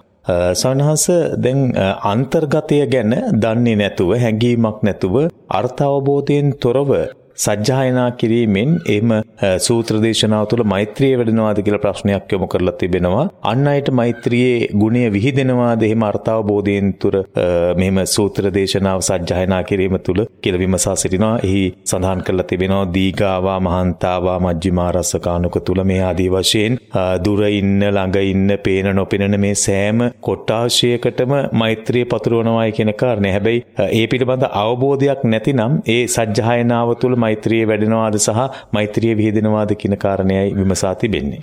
ඔව් වරුණ කරණීයමෙත සූත්‍රයේ බුදුරජාණන් වහන්සේ දේශනා කරන්නට පාදක වුණේ ස්වාමින් වහන්සේලා පිරිසකට අමනුෂ්‍යයන්ගෙන් බලපෑම් පැමිණීම තුළ ඒ බලපෑම් වළක්වා ගැනීම පිණිස විශේෂයෙන් එතනදී බුදුරජාණන් වහන්සේ දේශනා කළේ මේ සූත්‍ර ධර්මයේ ඉගෙනගෙන ගිහිල්ලා මහණෙනි ඔවුනට ඇසෙනසේ සජ්ජායනා කරන්න. එම සජ්ජායනා කිරීම මගින් ඒ සජ්ජායනය තුළින්ම මෛත්‍රයක් වැඩෙනවා එමගින් ඔවුන්ගේ උදව් උපකාර නුඹලට ලැබිලා ඉතා පහසුවෙන් ඔය ධර්ම මාර්ගයේ ඉදිරියට යන්න පුළුවන්. ඒ විදිහට තමයි භාග්‍යවත් බුදුරජාණන් වහන්සේ මේ මෛත්‍රී සූත්‍රය කරණීයමෙත සූත්‍රය දේශනා කළේ. හැබැයි වරුණ එහි පදගතාර්ථය භාවාර්ථය අභ්‍යන්තරය කියවෙන්නේ කුමක්ද කියන මෙන්න මේ කාරණය නොදැන සජ්ජායනා කරනවට වඩා දැනගෙන සජ්ජායනා කිරීම ඉතාම වැදගත් වෙනවා. විශේෂයෙන් අපි ගත්තොත් ඒ අරණීයමෙත සූත්‍රයේ අන්තර්ගතය තමයි කෙටියෙන් කිව්වොත් යම් පුද්ගලයෙක් සත්වයන්ට මෛත්‍රී කරනවා නම් ඒ මෛත්‍රී කිරීම තුළ මෙන්න මේ බඳු සත්ව කොටහස සිටිනවා මේ අය පරාමර්ශණය විය යුතුයි. කෙටියෙන්ම කියනවා නම් සුඛිනෝවා කෙහිමිනෝ හොන්තු සබ්බේ සත්තා භවන්තු සුඛිතත්තා. මෙන්න මෙතෙන්ට පැමිණෙන්නට ඕනියේ ශ්‍රාවකයා. සියලු සත්වයෝ නිදුක් වූවෝ සුවපත් වූවෝ බිය නැත්තෝ සැපැත්තෝ වෙත්වා. මෙන්න මෙතෙන්ට පැමිණී ගැනීම පිණිස තමයි බුදුරජාණන් වහන්සේ කරණීයමෙත සූත්‍රයේදී අවශ්‍ය කරන මඟ පෙන්වීම කරන්නේ. ඒ සඳහා එයා දක්ෂයෙක් විය යුතුයි, ඍජු කෙනෙක් විය යුතුයි, සුවච කෙනෙක් විය යුතුයි, මෘදු කෙනෙක් විය යුතුයි, අනතිමානී කෙනෙක් විය යුතුයි. ඒ වගේම ලැබෙන දෙයකින් සතුටු වෙන කෙනෙක් විය යුතුයි, සුභරෝ ඒ කියන්නේ පහසුවෙන් පෝෂණය කරන්න පුළුවන් කෙනෙක් වෙන්නට ඕන. අප්පකිච්චෝ බොහෝ කටයුතු නැති කෙනෙක් වෙන්නට ඕන. සල්ලහුක බුද්ධි සැහැල්ලු පැවතුම් ඇති කෙනෙක් වෙන්නට ඕන. සන්තේන්ද්‍රියෝ දමනය වූ ඉඳුරන් නැති කෙනෙක් වෙන්නට ඕන නිපකෝ ප්‍රඥාවන්ත කෙනෙක් වෙන්නට ඕන අපගබ්බෝ කායවාග් මනෝ ප්‍රගල්භයන්ගේ නිවත් වෙන්නට ඕන කුලේසු අනනුගිද්ධෝ භික්ෂුවක් නම් දායක කුලයන්නේ අනවශ්‍ය විදිහට ඇලෙන්නට බෑ. මෙන්න මේ සුදුසුකම් ටික වරුණ යාගේ ජීවිතේ තියෙන්නට ඕන. එතොට මේ සුදුසුකම් ටික ඇතිකරගෙන මෛත්‍රියට ප්‍රවේශ වුණාට පස්සේ මෛත්‍රිය කඩාවැටීමක් ඇති වෙන්නේ නැහැ. දවසින් දවස පිරිසිදු මෛත්‍රියක් ඇති වෙනවා. ඒ මෛත්‍රිය උපමාවකින් කියනවා මාතා යථානියම් පුත්තං. එකම පුතෙකු සිටින මවක් ඒ පුතුට දක්වන අසීමිත සෙනෙහස යම්සේද අන්නේ බඳු සෙනෙහසක් අන්නේ බඳු මෛත්‍රියක් සියලු සත්වයන් කෙරෙහි පැතිරවිය යුතුයි. ඒවම්පි සබ්බ බුහූතේසු සියලු සත්වයන් කෙරෙහි අපරිමාණ මානසම් භාවයේ අප්‍රමාණ මෛත්‍රී සිත වඩන්න. මෙන්න මේ බඳු මඟ පෙන්වීමක් තමයි මේ මෛත්‍රී සූත්‍රය තුළ බුදුරජාණන් වහන්සේ දේශනා කරන්නේ. එතකොට මේ කාරණා ටික හරියට දැනගෙන ඒ සූත්‍රය සජ්ජායනා කිරීමත් මෙත් වැඩීම. තේරුණාද වරුණ? මේ කරුණු ටික හරියට දැනගෙන මේ කරුණු ටික මනාව මෙනෙහි කරමින් වචනයක් පාසා අර්ථ සිහිපත් කරමින් සජ්ජායනා කිරීමම මෙත් වැඩීමක්. මට මේ වෙලාවේ සිහිපත් වුණා වරුණ මේ කරණීය මෙත්ත සූත්‍රය පිළිබඳවත් අර්ථ සහිත දේශනාවක් කළොත් හොඳ වෙයි කියලා මේ මෛත්‍රී භාවනාවේදී. සයනස මටත් ඒ හැඟීමම ආවස්වාමීන් වහන්සේ මම ඔබ වහන්සේට ආරාධනා කරන්නට හිටියේ අපිට ඉදිරියේදී මෛත්‍රී සූත්‍රයේ පදනම් කරගෙන කර්ණීයමෙත සූත්‍රයේ පදනම් කරගෙන දේශනාවක් කළොත් ගොඩාක් වැදගත් වේවි කියලා මම හිතන්නේ ඔබ වහන්සේ ඉසිත් අපේ ශ්‍රාවකයන්ට ඒ ඉදිරියේදී ලං කරાવી. ඔව් වරුණ. හොඳයි ස්වාමීන් වහන්සේ දැන් ඒ ඒ ඒ තුලම මට තව ප්‍රශ්න කිහිපයක් යොමු වෙලා තිබෙනවා මම හිතන්නේ මේ ප්‍රශ්නත් ඒ ඔබ වහන්සේ පහ පැහැදිලි කරපු කාරණාවටම සමානයි. දැන් අර සන්තේන්ද්‍රියෝච කියන තැනදී ඔබ සිහිපත් කළා වගේ. දැන් ඉන්ද්‍රිය දමනය කිරීම කියන්නේ ස්වාමීන් වහන්සේ හැඟීම් දැනීම් යටපත් කිරීමක්ද? එය ලෞකික ජීවිතයට බාධාවක්ද? ජීවිතේ ඒකාකාරී කම්මැලි ස්වභාවයක් ගන්නේවිද කියලා අඹේ පුස්සෙන් ශ්‍රාවකයෙක් යොමු කරලා තිබෙන ප්‍රශ්නයක් ස්වාමීන් වහන්සේ. ඉන්ද්‍රිය දමනය පිළිබඳව. ඔව් බරුණ ශික්ෂණයේ සහ සංවරයේ ලොකු වෙනසක් තියෙනවා. සාමාන්‍ය ශික්ෂණය කියන වචනේ අර්ථය තුලින් අදහස් කරන්නේ යම් විනය නීති ටිකක් පනවලා ඒ ඔස්සේ යම් යම් පුද්ගලයන්ගේ ඇති දුර්ගුණ මතුවෙන්න තියෙන ක්‍රමය පාලනය කිරීම. හැබැයි සංවරය තුලින් එහෙම නෙමෙයි අවබෝධයක් ඇති කර ගන්නවා. අකුසලය එහෙම නැත්නම් පාපය එහෙම නැත්නම් ක්ලේශය කියන්නේ දුකට හේතු වන දෙයක්. මෙමගින් මා සිත අඳුරු වී කිලුටු වී අන් අයගේ ජීවිතත් අඳුරු වී කිලුටු වී යනවා. ආදී වශයෙන් කාරණා කාරණා හාත්පසින් දැනගෙන හඳුනාගෙන යම් පාප ධර්මයකින් පාපී අභ්‍යවීමකින් විසම සිතුවිලි ධාරාවකින් අත මිදීමයි සංවරය කියලා කියන්නේ. හැබැයි ශික්ෂණය කියද්දී ඒ සංවරයට වඩා ටිකක් මෙහා පැත්තේ තියෙන එකක්. ඒ කියන්නේ බලයෙන් හික්මවනවා වගේ දෙයක්. එනිසා දැන් ඉන්ද්‍රිය සංවරය ඇති කරගන්නා බුදුරජාණන් වහන්සේගේ ශ්‍රාවකයා ඇයි ඉන්ද්‍රිය සංවරය ඇති කරගත යුත්තේ? දැන් ඇස සංවර කරගන්න කියන ඇසෙන් විවිධාකාර රූප බලා ඒ ඔස්සේ අභ්‍යන්තරයේ කැළඹෙන විදිහට රාග චිත්තෝත්පාද, ද්වේෂසාගත චිත්තෝත්පාද ඇති කරගන්න එපා. ඒක තමයි ඉන්ද්‍රිය සංවරය කියන්නේ ඇසේ සංවරය. කනේ සංවරය කියන්නේත් එහෙම ශබ්ද රූපයකින් ශබ්දයක් නිසා ඇතුලාන්තේ රාගදේශමෝ ඇති කරගන්න එපා. එතකොට ඇයි ඇති කරගන්න එපා කියලා කියන්නේ? ඇති කරගත්තොත් මෙන්න මේ බඳු ආදීනව සම්භාරයක් ඇති වෙනවා. මෙන්න මේ බඳු තත්වයකට තමාට මුහුණ දෙන්න සිද්ධ වෙනවා. එහි අහිතකර ඵල කල්ප 100කින් එහා පැත්තේ විපාක දෙන්න පුළුවන්. 1000කින් එහා පැත්තේ අනාගතේ විපාක දෙන්න පුළුවන් යන්න වුණොත්. එනිසා ඒ බඳු තා භයානක තත්වයකට මේ මනස පත්වෙන්න පුළුවන් නිසායි ඉන්ද්‍රිය සංවර කරගන්න කියන්නේ. එහෙම නැතුව වරුණ මේ බොහොම අමාරුවෙන් බොහොම තෙහෙට්ටුවෙන් දත්මිටි කාගෙන හැඟීම් යටපත් කිරීමක් නෙමෙයි බුදුරජාණන් වහන්සේ මේ ශාසනය තුළ උගන්වන්නේ. හැබැයි යම් අවස්ථාවක් එනම වරුණ දැන් කෙනෙකුගේ රාගය උස්සන්න වෙලා ද්වේෂය උස්සන්න වෙලා ඇතැම් විට ඒතා විසම තත්වයකට මනසපත් වෙන්න පුළුවන්. ඒ වගේ අවස්ථාවල දත්මිටි කාගෙන හරි වරුණ ඉවසන්නට ඕන. ඒ කියන්නේ මේ දේ මම කරන්නේ නෑ කියලා බලෙන් හෝ හැඟීම් යටපත් කරන්න ඕන. බලෙන් හෝ හැඟීම් යටපත් කිරීමෙන් සාන්තියක් වෙනවම තමයි. හැබැයි බලෙන් හැඟීම් යටපත් කිරීම දීර්ඝ කාලීන නෑ. ඒක తాවකාලිකයි. එනිසා ඒක දීර්ඝ කාලීන හැඟීම් යටපත් කිරීමක් බවට පත් කරන්න නම් අවබෝධයක් ඇති කර ගන්නට ඕන කුසල කුසල ධර්ම සසර ගැන ජීවිතය ගැන මම ඉන්නේ කොතනද මිනිස් ජීවිතය ගැන බුදු සසුනේ මුණ ගැසීම ගැන මෙන්න මේ සමස්ත කරුණු හාත්පස තම ජීවිතය තුළින් සමාලෝචනයක් වෙලා එමගින් යම් ප්‍රඥාවක් පහළ වෙනකොට එයා ලාමක සිතිවිලි වලට වසඟ වෙන්නේ නැහැ. දුරදීම අයින් කළා දානවා. එයා දන්නවා ගින්නක් ලං වුණොත් පිච්චෙනවා කියලා. එනිසා ගින්නක් ළඟට ලං වෙලා පිච්චෙනවා පිච්චෙනවා කියලා එයා කියන්නේ නැහැ. ඈත් වෙලාම එයා පුළුවන් තරම් ඈත් වෙනවා. එතකොට එයාට ඒ ගින්නේ රසණයෙන් පීඩාවක් ඇතිවන්නේ නැහැ. අන්න ඒ වගේ අකුසල දහම කියන්නේ අභ්‍යන්තරයේ දවනවා, තවනවා. එතකොට හැඟීම් කියලා කියද්දි වරුණ ඔතන අදහස් කළේ ලාමක හැඟීම්නේ. කෙලෙස් සහගත හැඟීම්නේ. එතකොට ඒ වගේ අභ්‍යන්තරේ පිච්චෙනවා, දැවෙනවා, තැවෙනවා. ඈතින්ම ඈත් කළා දැම්මොත්, දුරින්ම දුරු කළා දැම්මොත් ඒ පිච්චීම ඇති වෙන්නේ නැහැ. ඉතින් ඒ නිසා බුදුරජාණන් වහන්සේගේ ශ්‍රාවකයා ඉන්ද්‍රිය සංවරය ඇති කරගත යුත්තේ අවබෝධයෙන්මයි. ඇස ලැබුණේ රූප බලන්නනේ. එහෙමත් හිතනවනේ වරුණ. ඇස ලැබුණේ රූප බලන්නනේ. කන් ලැබුණේ ශබ්ද අහන්නනේ. ඔව් කන දිවක් ලැබුණේ පුළුවන් තරම් කියන්නේ කෑම බීම වල රස ලබන්නනේ. මේවා ලැබිලා තියෙද්දිත් මොකටද මේවා පාලනය කරන්නේ? එහෙම හිතන පිරිසකුත් ඉන්නවනේ. ඒ අයට ඉන්ද්‍රිය සංවරයක් ගැන කතා කරලා වැඩක් වෙන්නේ නැහැ. ඉන්ද්‍රිය කියන්නේ මොකක්ද කියලා දැනගන්න එපා. ඇස කියන්නේ හේතුන් නිසා හටගත්ත ධර්මයක්. ඇස කියන්නේ ඉපදීමේ ස්වභාවයෙන් යුක්ත දෙයක්. ජරා ධර්මයක්, ව්‍යාධි ධර්මයක්, මරණ ධර්මයක්. එනිසා අන්නේ විදිහට දැක්කොත් විතරයි ඇසේ ආදීනමේ වැටහෙන්නේ. ඇසේ ආස්වාදය පුංචි දෙයක් ඉන්ද්‍රිය අසංවරය තුළින් ඇතිවන ආස්වාදී ඉතා ස්වල්පයි. හැබැ ඉන්ද්‍රිය සංවරය තුළින් ඇතිවන ආනිසංසය මහ මෙරක් වගේ. එනිසයි ඉන්ද්‍රිය සංවරයට බුදුරජාණන් වහන්සේ අත දුන්නේ අවවාද කළේ අනුශාසනා කළේ. එනිසා කිසිවෙක් හිතන්න එපා හැඟීම් පාලනයක් තුළ ජීවත්වීම කියන්නේ ජීවිතයෙන් පලා යෑමක් කියලා. එයා ජීවිතේ රසය මනාව මතු කරගන්න දරන ප්‍රයත්නයක් ඒක. ඒ වගේම හැඟීම් පාලනය ඉන්ද්‍රිය දමනයේ ආත්ම සංවරය කියන එක පුද්ගලයෙකුගේ පෞරුෂත්වයේ මනින සාධකයක් මිසක් එහෙම නැත්නම් හැඟීම් වලට වසඟ වීම නෙවෙයි පුද්ගලයෙකුගේ ජීවිතයේ අභිමානය මනින සාධකේ වන්නේ. ඒ නිසා මෙව්ව වැරදි විදිහට සමාජගත වෙලා තියෙන වරුණ ජනගත වෙලා තියෙනවා. ඒක විශේෂයෙන් තරුණ පරම්පරාව විසින් මේ හිතට ගන්නට ඕන දෙයක්. පුද්ගලයෙකුගේ ජීවිතයේ අභිමානය රඳා පවතින හැඟීම් පාලනයේ ශක්්‍යතාව මත. ඉතින් ඒ නිසා ඒකමනේ මිනිස්කම කියන්නේ වරුණ. දැන් තිරසන් සතුන් කියන්නේ බුදුරජාණන් අප දේශනා කරනවා ඕනම තත්වයකදී එයාගේ හැඟීම එයා ප්‍රකට කරනවා පළට කරනවා. එයාට තැනක් නොතැනක් නැහැ. ඉතින් එහෙම වුණොත් එහෙම මේ මිනිස් ජන සමාජය කොහොම වෙයිද? ඉතින් ඒ නිසා මිනිසත්කම රඳා පවතින්නේම උපදින උපදින සිතුවිල්ලට වසඟ වීම මත නෙමෙයි. තෝරා ගැනීම, බේරා ගැනීම, හඳුනා ගැනීම, තැන නොතැන කුමක්ද කියා පූර්ව විනිශ්චයක් ඇතිව කටයුතු කිරීම මත. මිනිසුන්ගේ රහස්‍ය කටයුතු තියෙනවනේ වරුණ. ජීවිතවල කාගේ කාගේ ස්වාමීන් වහන්සේලාගේ නෙමෙයි ගිහියත්තන්ගේ. එතකොට ඒ රහස්‍ය කටයුතු එලිපිට සිද්ධ කරන්න ගියොත් කොහොම වෙයිද? ඉතින් ඒ නිසා තිරසංගත සතුන්ගේ හැඟීම් මිනිසුන්ට ආරෝපණය වුණොත් වෙන්නේ මහ බලවත් විනාශයක්. එනිසා මිනිසත්කම රඳා පවතින්නේම විරාගය මත, මෛත්‍රිය මත, මුදිතාව මත, නිහතමානිකම මත. එනිසා කවුරුවත් හැඟීම් වලට වසඟ වෙන්න එපා. අමාරු තැනක දත් මිටි කාලා හරි කමක් නැහැ. හැඟීම් පාලනයක් ඇති කරගන්න. හැබැයි දෙවනු එබඳු හැඟීම් දත්මිටි කාල පාලනය කරන්න ඉඩ තියන්න එපා. එතනින් මෙහා පැත්තේම නැති කරගෙන ඔබ ධර්ම මාර්ගයේ ඉදිරියට යන්න. එහෙමයි සොයනාස. සොබනාස දැන් අර ඔබ වහන්සේ එතන සිහිපත් කළා වගේ සමහර ඇතැම් අය අපට කතා කරනකොට ඉදිරිපත් කරන දේවල් තමයි දැන් ඔබ වහන්සේ සිහිපත් කළා ඇස තියෙන්නේ රූප බලන්න කියලා සමහරව හිතනවා. කන තියෙන්නේ ශබ්ද අහන්න කියලා සමහරව හිතනවා. ඒ නිසා ඕනම දෙයක් අහන්න පුළුවන්. ඕනම දෙයක් දකින්න පුළුවන්. ඕනම රසයක් විඳින්න පුළුවන්. සමහර අය මං හිතන්නේ පාණ්ඩිත්‍යද මන්ද ස්වාමීන් වහන්සේ? ඇතමුන් සිහිපත් කරන ඕනම දෙයක් ඕනෑම ආකාරයෙන් ක්‍රියාත්මක වෙන්න පුළුවන් ඒක උපාදාන කරගන්නේ නැතුව කියලා. මෙතනදී අර උපාදානය කියන එක කුමක්ද කියලාවත් ඔවුන් අර්ථ ගන්නවාගෙන නැහැ. අවබෝධයක් ලබාගෙන නැහැ. ඔවුන් කියන්නේ ඒකේ වෙලේ අල්ලගන්න නැතුව ඕනම දෙයක් කරන්න පුළුවන් කියලා. ඇත්තටම ස්වාමීන් වහන්සේ උපාදානය කියන එකත් මට පොඩ්ඩක් තව පැහැදිලි කරලා මේ ඕනම දෙයක් ඕනම වෙලාවක කරන්න පුළුවන්ද උපාදාන කරන්නේ නැතුව එතකොට පවක් පිරෙන්නේ නැද්ද කියන කාරණය ඔබ වහන්සේ පහදලා දෙනවනම් මට හිතෙන වඩාත් වැදගත් වේවි.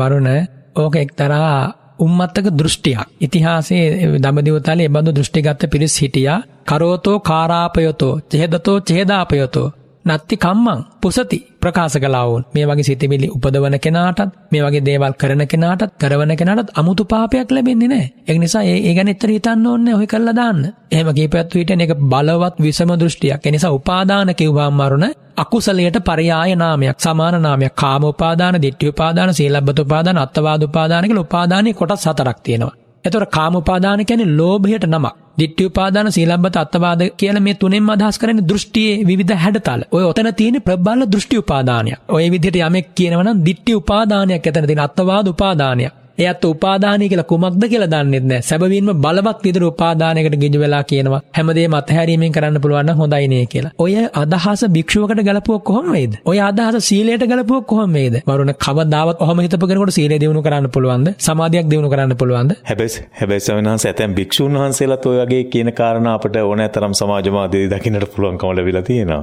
වරුණ ඒව ඇත්තට වැදගත් කතා නෙවෙයි මේ වගේ උත්තම සාකච්ඡාවක් කතා කළ යුතු තරම්. කටට එන එක කියපු පමණින් ඒව අපි වැදගත් කරුණු ලෙස නොසැලකිය යුතුයි. මේ ශාසනය කියන්නේ සංවර වූ සීලවන්ත වූ ගුණවන්ත වූ පූජනීය උතුමන්ගේ ලැබුම් හලක් මිසක් කටට එනේන වචන කියන විවිධ විසම අදහස් වලින් විවිධ පුද්ගල ප්‍රතිරූප නිර්මාණය කරගන්න හදන අයට අයිති තැනක් නෙමෙයි. ඉතින් එනිසා අපි කලබල විය යුතු නෑ කවුරු කොහොම කිව්වත්. ප්‍රශ්නේ තියෙන වරුණ මේකයි. මේ වගේ පිරිසුදු වැඩපිළිවෙලක් පෙන්වා දෙද්දිත් මේ ශ්‍රේ සද්ධර්මයට අනුව මේකට පිටුපාල කෙනෙක් යන්න හදනවනම් අන්න එතන නම් ලොකු ප්‍රශ්නයක් තියෙනවා. එහෙනම් ඒ වගේ කෙනෙකුට මේ රූහණේ වෙන්නේ නෑ කියන එක පැහැදිලිවම කියන්නට ඕන. එනිසා කවුරු කොහොම කියවත් බරුණ මරණයට පත්වෙන මොහොතේදී කරපු දේවල් අනිවාර්යෙන්ම විඳවන්න වෙනවම තමයි. එනිසා කොය දැන් අතේ පය හයිය තියෙන කාලේ කටේ හයිය තියෙන කාලේ පිරිස් බලයක් තියෙන කාලේ ගිහියෙක් වේවා පැවිද්දෙක් වේවා කොහොම නැටුවා. සාමාන්‍ය වචනයෙන් කිව්වොත් කොයි විදිහට නර්තනය දැක්කුවා. අවසාන මොහොතක් එනවා තනි වෙනවමයි. ඒ මොහොතේදී කළ හොඳ සැබවින්ම මෙන්න මේ දේ යහපතක් මෙන්න මේ හොඳ දේ මෙන්න මේ විදිහට සිද්ධ වුණා නම් හොඳයි කියලා වැටහෙන්නට පුළුවන්. ඉතින් ඒ නිසා තේරෙන කාලේ පුළුවන් කාලේ විසමයටපත් වෙන්නේ නැතුව වැරදි පාරේ යන්නේ නැතුව පුළුවන් කාලේ තමයි වරුණ අතේ පයේ හයිය තියෙන කාලේ තමයි සීලය ආරක්ෂා කරන්න ඕනේ. අතේ පයේ හයිය තියෙන හැකියාව තියෙන කාලෙම තමයි ඉන්ද්‍රිය දමනය ඇති කර ගන්නට ඕන. බුදුරජාණන් වහන්සේ දේශනා කරනවානේ තමාහු පරමංකන්ති යෝහවේ බලවාසන්තෝ දුබ්බලස්ස තිතික්ඛති. තමාහු පරමංකන්තේ නිච්චං කමති දුබ්බලෝ යම් පුද්ගලයෙක් තමා බලවත්ව සිටියදී හැකියාව තිබියදී දුර්බලයාට කිපෙන්නේ නැත්නම් ඉවසනවා නම් දුර්බලයාගේ හැසිරීම් දුර්බලයාගේ ක්‍රියාකාරකම් ඉදිරියේ තමන් කේන්ති ගන්න නැතුව ඉන්නවනම් අන්න එයා තමයි උතුම් ශාන්ති උතුම් ඉවසීම උතුම් මෛත්‍රිය තියෙන කෙනා. එනිසා වුණ රාගය ඇති වෙන්නේ බොහෝසෙන් තරුණ වයසේනේ. ද්වේෂය ඇති වෙන්න පුළුවන් ඔය යොබ්බන වයසේනේ. අන්නේ කාලේ පුළුවන් නම් මේ රාගය සංසිඳවාගෙන විරාගයට හිතපත් කරගන්න. ඒක ශ්‍රේෂ්ඨ දැරීමක්. ඒක ශ්‍රේෂ්ඨ පුහුණුවක්, ශ්‍රේෂ්ඨ වැඩිමක්. එනිසා කිසි කෙනෙක් හිතන්නට එපා මම මේ දේ කරලා අතහැරලා දානවා මම මේක අල්ලගන්නේ නැහැ කියලා. ඔබ අල්ලගත්තේ නැති වුණාට ඔබේ පස්සෙන් එනවා බලවත් කර්මයක් ඔබ වරන් යනවා සතර අපායට. අන්න එදාට අල්ලගත්තද නැද්ද කියන එක හොඳට දැනේ වරුණ. එහෙමයි සස. හොඳයි සයනස තව ප්‍රශ්නයක් තිබෙන විවේකය නීවරණයක් ලෙසින් එන්න පුළුවන්ද කියලා අහලා තිබෙනවා ස්වාමීන් වහන්සේ. ඔහු සිහිපත් කරලා තිබෙන්නේ අලසකමත් සම්බන්ධ කරලා තිබෙනවා. අලසකමක් ලෙසින් විවේකය යෙදෙන අවස්ථාත් එන්න පුළුවන්. ඒ නිසා නීවරණයක් ලෙසින් විවේකය යෙදෙන්නට පුළුවන්ද කියලා අහලා තිබෙනවා ස්වාමීන් වහන්සේ. වරුණ නීවරණ පහක් දෙනෝනේ කාමච්ඡන්ද ව්‍යාපාද තිහින මිද්ද උද්ධච්ච කුක්කුච්ච විචිකිච්ඡා කියලා. ඔය අතරින් ඔය විවේකය කියන කාරණයත් එක්ක ටිකක් ප්‍රතිබද්ධ වෙන්න පුළුවන් දීන මිද්දය. එතකොට කාය ආලස්යය. එතකොට කය උදකලාවේ නිහඬව තියාගනින්දි කාය ආලස්යය ඇති වෙන්නට පුළුවන්. ඒ කයේ අලසකම. එතකොට කාය ආලස්යය තිහින මිද්දේ නම් වූ අකුසල චෛතසිකයන් ඉපදීමට හේතුවක් වෙනවා. එනිසා ඒ විවේකය යම් විදිහකින් තිහින මිද්ද නීවරණේ ඇති කරන්නට හේතු වෙන්න පුළුවන්. හැබැයි හැමෝටම නෙමෙයි. නැත්තම් මේ විවේකයේ අවශ්‍ය දෙයක්. කාය විවේකයේ චිත්ත විවේදයට චිත්ත විවේකයට උපකාරයි. චිත්ත විවේකයේ උපදී විවේකයට උපකාර වෙනවා. එනිසා කාය චිත්ත උපදි කියන මෙන්න මේ ත්‍රවැදෑරුම් විවේකය ලබා ගැනීම යෝගාවචරයට අත්‍යවශ්‍ය දෙයක්. හැබැයි එතෙන්දී දක්ෂ විය යුතුයි මේ විවේකය වැරදි විදියට පාවිච්චි නොකරන්නට දැන් විවේකය ලැබිච්ච පමණ නිදාගෙන හරියන්නේ නැහැ වරුණ. මෙතන විවේකය කියන්නේ මේ වැඩ පොලෙන් අයින් වීමම නෙමෙයි. දැන් පැවිද්දාගේ විවේකය කියන්නේ කුටියකට වෙලා සැතපී සිටීම නෙමෙයි වරුණ. පැවිද්දාගේ විවේකය කියන්නේ එයා ගිහියෝ කරන දේවල් වලින් වෙන් වෙලා පැවිද්දෙක් කළ මනා කටයුතු වල වීරියෙන් යුක්තව යෙදීම. යන්තම් පුරිසත් හාමේන පුරිස විරියේන පත්තබ්බං නතං අපාපුනිත්වා විරියස්ස සන්තානම් භවිස්සති. එහෙමනේ වදාලේ. පුරුෂයෙකුගේ වීරියෙන් බලයෙන් පරාක්‍රමයෙන් යම් ජීවිත අවබෝධයකට පැමිණිය යුතුයි නම් ඒ දක්වා වීරිය නතර කරන්නේ නැහැ. ඒ වීරිය වඩන්නට අවස්ථාව උපයා ගැනීමයි විවේකය කියන්නේ මෙතන වරුණ. පැහැදිලිද?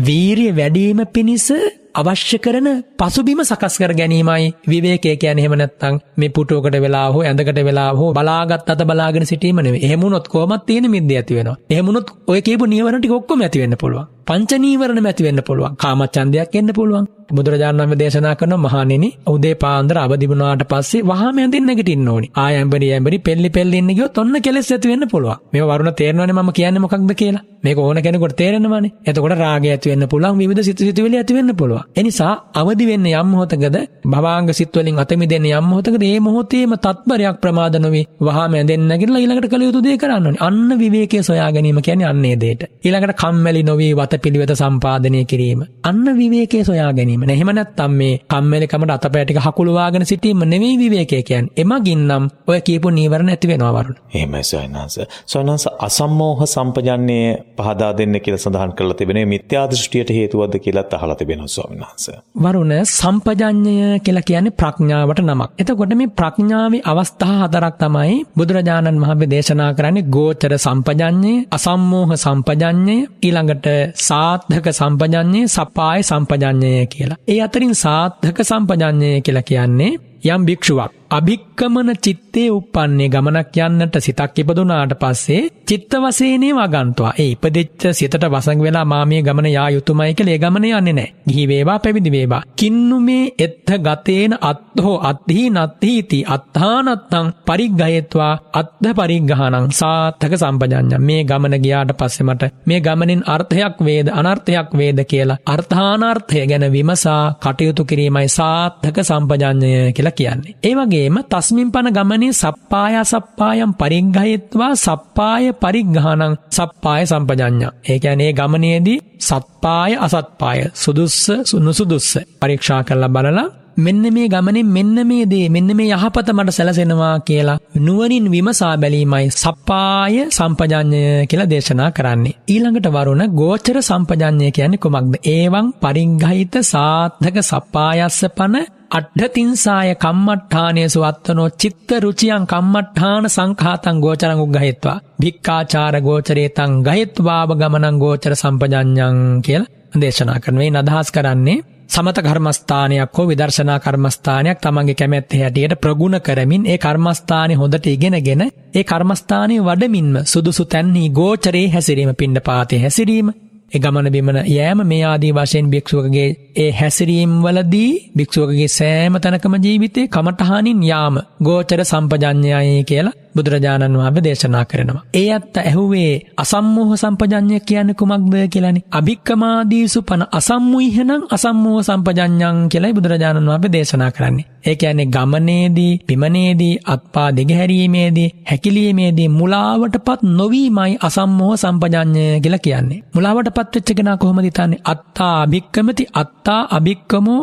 නිබ්බත්තිතෝති. එහෙම නැත්නම් හිතනවා අහං අභික්කමාමි මයා අභික්කමෝ නිබ්බත්තිතෝති. මෙන්න මේ විදිහට මුලාවටපත් වෙනවා. මම තමයි මේ ගමන් කරන්නේ. මගේ ආත්මය තමයි මේ ගමන් කරන්නේ. ආදී වශයෙන් සත්ව පුද්ගල ප්‍රඥාප්තියේ පිහිටා ජීවිතය දෙස බලනවා නම් අන්න ඒකට මුලාව කියලා කියනවා. සම්මෝහය කියලා කියනවා. එසේ නොවි. එසේ නොවි අභ්‍යන්තරේ අත්තානාම කෝචි සම්මින්ජෙන්තෝවා පසාරෙන්තෝවා නත්ති අභ්‍යන්තරේ අතපය දිගාරෙන කෙනෙක් හෝ හකුලන කෙනෙක් හෝ කියලා එහෙම පුද්ගල ස්වභාවයක් පුද්ගල ස්වරූපයක් නැහැ. එහෙම පුද්ගලෙක් එහෙම ආත්මයක් නැහැ. වුත්තප්පකාර චිත්තකිරිය වායෝ ධාතු විප්පාරේන පන. සුත්තා කණ්ඩන වසේන දාරු යන්තස්ස හත්හපාද චලනං විය. සම්මින්ජන පසාරණං හෝතීති. ඒවං පරිජානනම් පනෙත්හ අසම්මෝහ සම්පජඤ්ඤන්ති වේදි තබ්බං එහෙමයි දේශනා කරන්නේ. අභ්‍යන්තරයේ අත්පාදි ගහරින හකුලවන කෙනෙක් කියලා එහෙම ආත්මීය ස්වභාවයක් නැහැ. ගමනක් යන්නට ඕන කියලා සිතක් පහළ වෙනවා. ඒ සිත පහළ වුණාට පස්සේ චිත්තකිරියේ වායෝ ධාතුවක් හට ගන්නවා. ඒ චිත්තකිරියේ වායෝ ධාතුව අනුසාරයෙන් අත්පාදි ගහැරෙනවා, හැකිලෙනවා. ඒ විදිහට තමයි මේ ශරීරය චලනීය වෙන්නේ. හරියට අර දැව වලින් හදන ලද යන්ත්‍රයක් නූල් වලින් සොලවනවා වගේ. රූකඩයක් නූල් වලින් නටවනවා වගේ. ඒ චිත්තකිරිය වායෝ ධාතුවේ ඉපදුනාට පස්සේ ඒ විදිහට අත්පා දෙක හැරීම් හැකලීම් මෙහෙම දේවල් සිද්ධ වෙනවා. මෙන්න මේ විදිහට මේ අභ්‍යන්තරයේ සිද්ධ වන ක්‍රියාදාමය ගැන අවබෝධයක් ඇති කර ගැනීමයි අසම්මෝහ සම්පජඤ්ඤය කියලා කියන්නේ වෙනත් ආකාරයකින් කිව්වොත් විදර්ශනාමය නුවණකින් ජීවිතය දෙස බැලීම. අසම්මෝහ සම්පජඤ්ඤය කියලා තේරුම් ගන්න.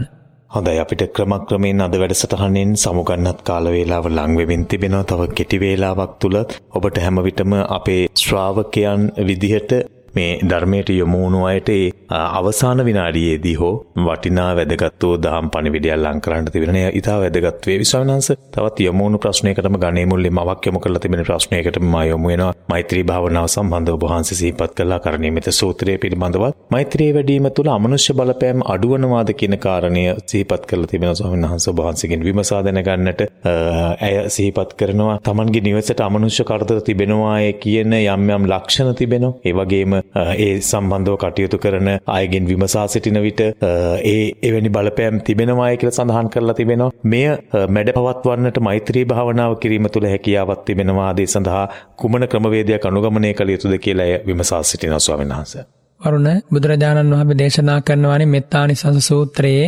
අමනුස්සානම් පියෝ හෝති කියලා. හරි අපි හිතමුකෝ අමනුෂ්‍යෙක් කරදර කරන්නේ අපිට කැමති අමනුෂ්‍යෙක් කවදාවත් අපිට කරදර කරන්නේ නැහැ නේ වරුණ. අපිට යම් සෙනෙහසක් අපිට මෛත්‍රියක් තියෙන මනුස්සයෙක්ගෙන් කිසිම කරදරයක් වෙන්න බෑනේ. ඒතර එයා පිළිබඳව අපිට මෛත්‍රිය කරන්න අමුතුවෙන් අවශ්‍ය වෙන්නේ නැහැනේ. එහෙනම් අපට කරදර ගන්න අපිට අකමැති හෝ යම් බඳු මොකක් හරි ප්‍රශ්නයක් තියෙන තැනකනේ. එහෙනම් මේ මෛත්‍රිය තුළින් අමනුස්සානම් පියෝ හෝති. අපි හැමදෙනාම අමනුෂ්‍යයන්ට, හෙවත් දෙවියන්ට, යක්ෂයන්ට, ප්‍රේතයන්ට, කුම්භාණ්ඩයන්ට මේ හැමදෙනාටම ප්‍රිය කෙනෙක් බවට පත් වෙනවා. එතකොට අමනුෂ්‍යෝ මේ මෛත්‍රිය වඩනකොට මවක් පුතෙකු රකින්නාක් බඳුව රකින්නවා. බුදුරජාණන් වහන්සේ දේශනා කරන යාට හරි කැමති. එයා යන තැන ආරක්ෂා කරනවා. එයාට අනතුරක් වෙන තියෙනවා යාවේ අනතුරෙන් මගහරවනවා. ශ්‍රී මුක දේශනාවේ තියෙන්නේ. ඉතින් ඒ නිසා මෛත්‍රිය වඩනකොට ඔය හැම ප්‍රශ්නයක්ම විසඳෙනවා. හැබැයි එකක් කියන්නට ඕනේ ඔය කාගෙන්වත් අමනුෂ්‍ය ප්‍රශ්න ගැන ඕවා ගැන අහන්න යන්න එපා. කවදාවත් ඔබට පැහැදිලි පිළිතුරක් ලැබෙන්නේ නැහැ. තවත් ඔබේ මනස අවුල් කරන විදිහේ පිළිතුරු තමයි ලැබෙන්නේ. ඒ නිසා මට අමනුෂ්‍ය ප්‍රශ්න තියෙනවද? මෙහෙම මෙහෙම කියලා ඒ ඒ තැන් වලට ගිහලා අහන්න ගිහලා මේ වැඩපිළිවෙල අවුල් කරගන්න එපා. ඔබට ඇති අමනුෂ්‍ය ප්‍රශ්නයක් නැහැ. මේ මෛත්‍රිය වඩන්න මේක සියලු සත්වයන් වශී කරන වශී මන්ත්‍රයක් වගේ වරුණ මේ මෛත්‍රිය කියන්නේ. වශී මන්ත්‍රය කියන අර්ථය උපමාවකට විතරක් ගන්න. එතනින් එහා එක ගන්න යන්නවත් අවශ්‍ය නැහැ. නැත්තම් වචනයක් වැරදුනත් ඉවරයි. ඒමයි සයන්නාස. ඉතින් එනිසා මේ ඔය සාමාන්‍ය ලෝක සම්මුතිහෙම වචනයක් තියෙනවානේ දේව මන්ත්‍රයක් වගේ කියලාම අපි කියන්නේ. සහ බුද්ධ මන්ත්‍ර කියලා සිහිපත් කරනවනේ කට්ටඩිකම් කරන අය.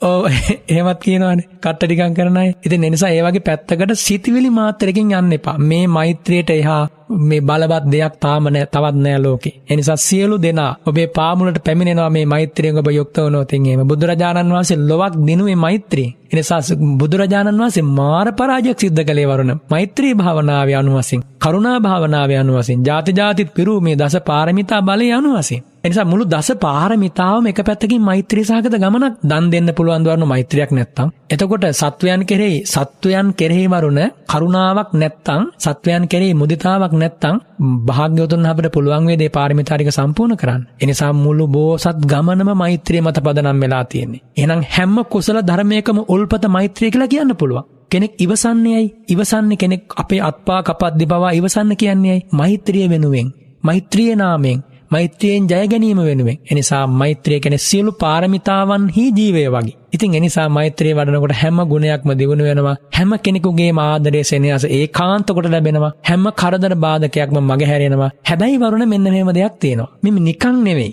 ඒ කියන්නේ අපේ ජීවිතවල මේ පුංචි තැනක පුංචි තැනක පුංචි සිදුවීමකට ඉවස ගන්න බෑ නම් දරා ගන්න බෑ නම් අනේකෝ මෛත්‍රී ආනිසංස කියලා හොයනවා නම් ඒක වැදගත් වෙන්නේ නැහැ මේ මෛත්‍රී ආනිසංස බලාපොරොත්තු වෙනවා නම් අර කකචූපම අවවාදය දේශනා කරේ අන්නේ මට්ටමට ඉවසනකම් හිත දියුණු වෙන්නට ඕන. එහෙම නැත්නම් පැය භාගයක් පැයක් මෛත්‍රී කරලා මිනිසුන්ගෙන් ප්‍රියමනාප බැල්මක් සෙනෙහසක් ආදරයක් හැමදේම බලාපොරොත්තු වෙනවා. අර ආනිසංස 11ම මිනිත්තු 5ක් 10ක් මෛත්‍රී කරලා බලාපොරොත්තු වෙනවා ඒක වංචනිකත්වයක්. කවුරුවත් ආනිසංස බලාපොරොත්තුෙන් මෛත්‍රී කරන්නත් එපා. ඒ මෛත්‍රිය වැඩෙන්නේ නැහැ. ආනිසංස බලාපොරොත්තුෙන් කවුරු හරි මෛත්‍රී කළොත් ආයෙ මෛත්‍රියක් වැඩෙන්නේ නැහැ. එනිසා ඇයි යාගේ හිතේ මුලින්ම අල්ලා ගැනීමක් තියෙනවා මෛත්‍රී කරන්න කලින්ම මට මෙන්න මේ ටික ඕන කියලා. එයා මෛත්‍රී කරන්නේ ඒ ටික උවමනා හින්දා මිසක් වෙන දෙයක් හින්දා නෙමෙයි. සැබෑ මෛත්‍රියේ මේ මෛත්‍රිය පාදක වන්නේ කවදා නමුත් විදර්ශනාවටනේ. ඒතර විදර්ශනාවට පාදක කරගත්තේ මෛත්‍රියක්නේ ශාසනය වැදගත් වන්නේ. මෙත්තා විහාරී යෝභික්ඛු පසන්නෝ බුද්ධ ශාසනය අධිගත්හේ පදං සන්තා යෝගක්ඛේමං අනුත්තරන්නේ. යෝගක්ෂේමයට යන පාරනේ මේ මෛත්‍රිය මේ වශයෙන් දේශනා කරන්නේ. එනිසා මගේ මේ මෙත්සිත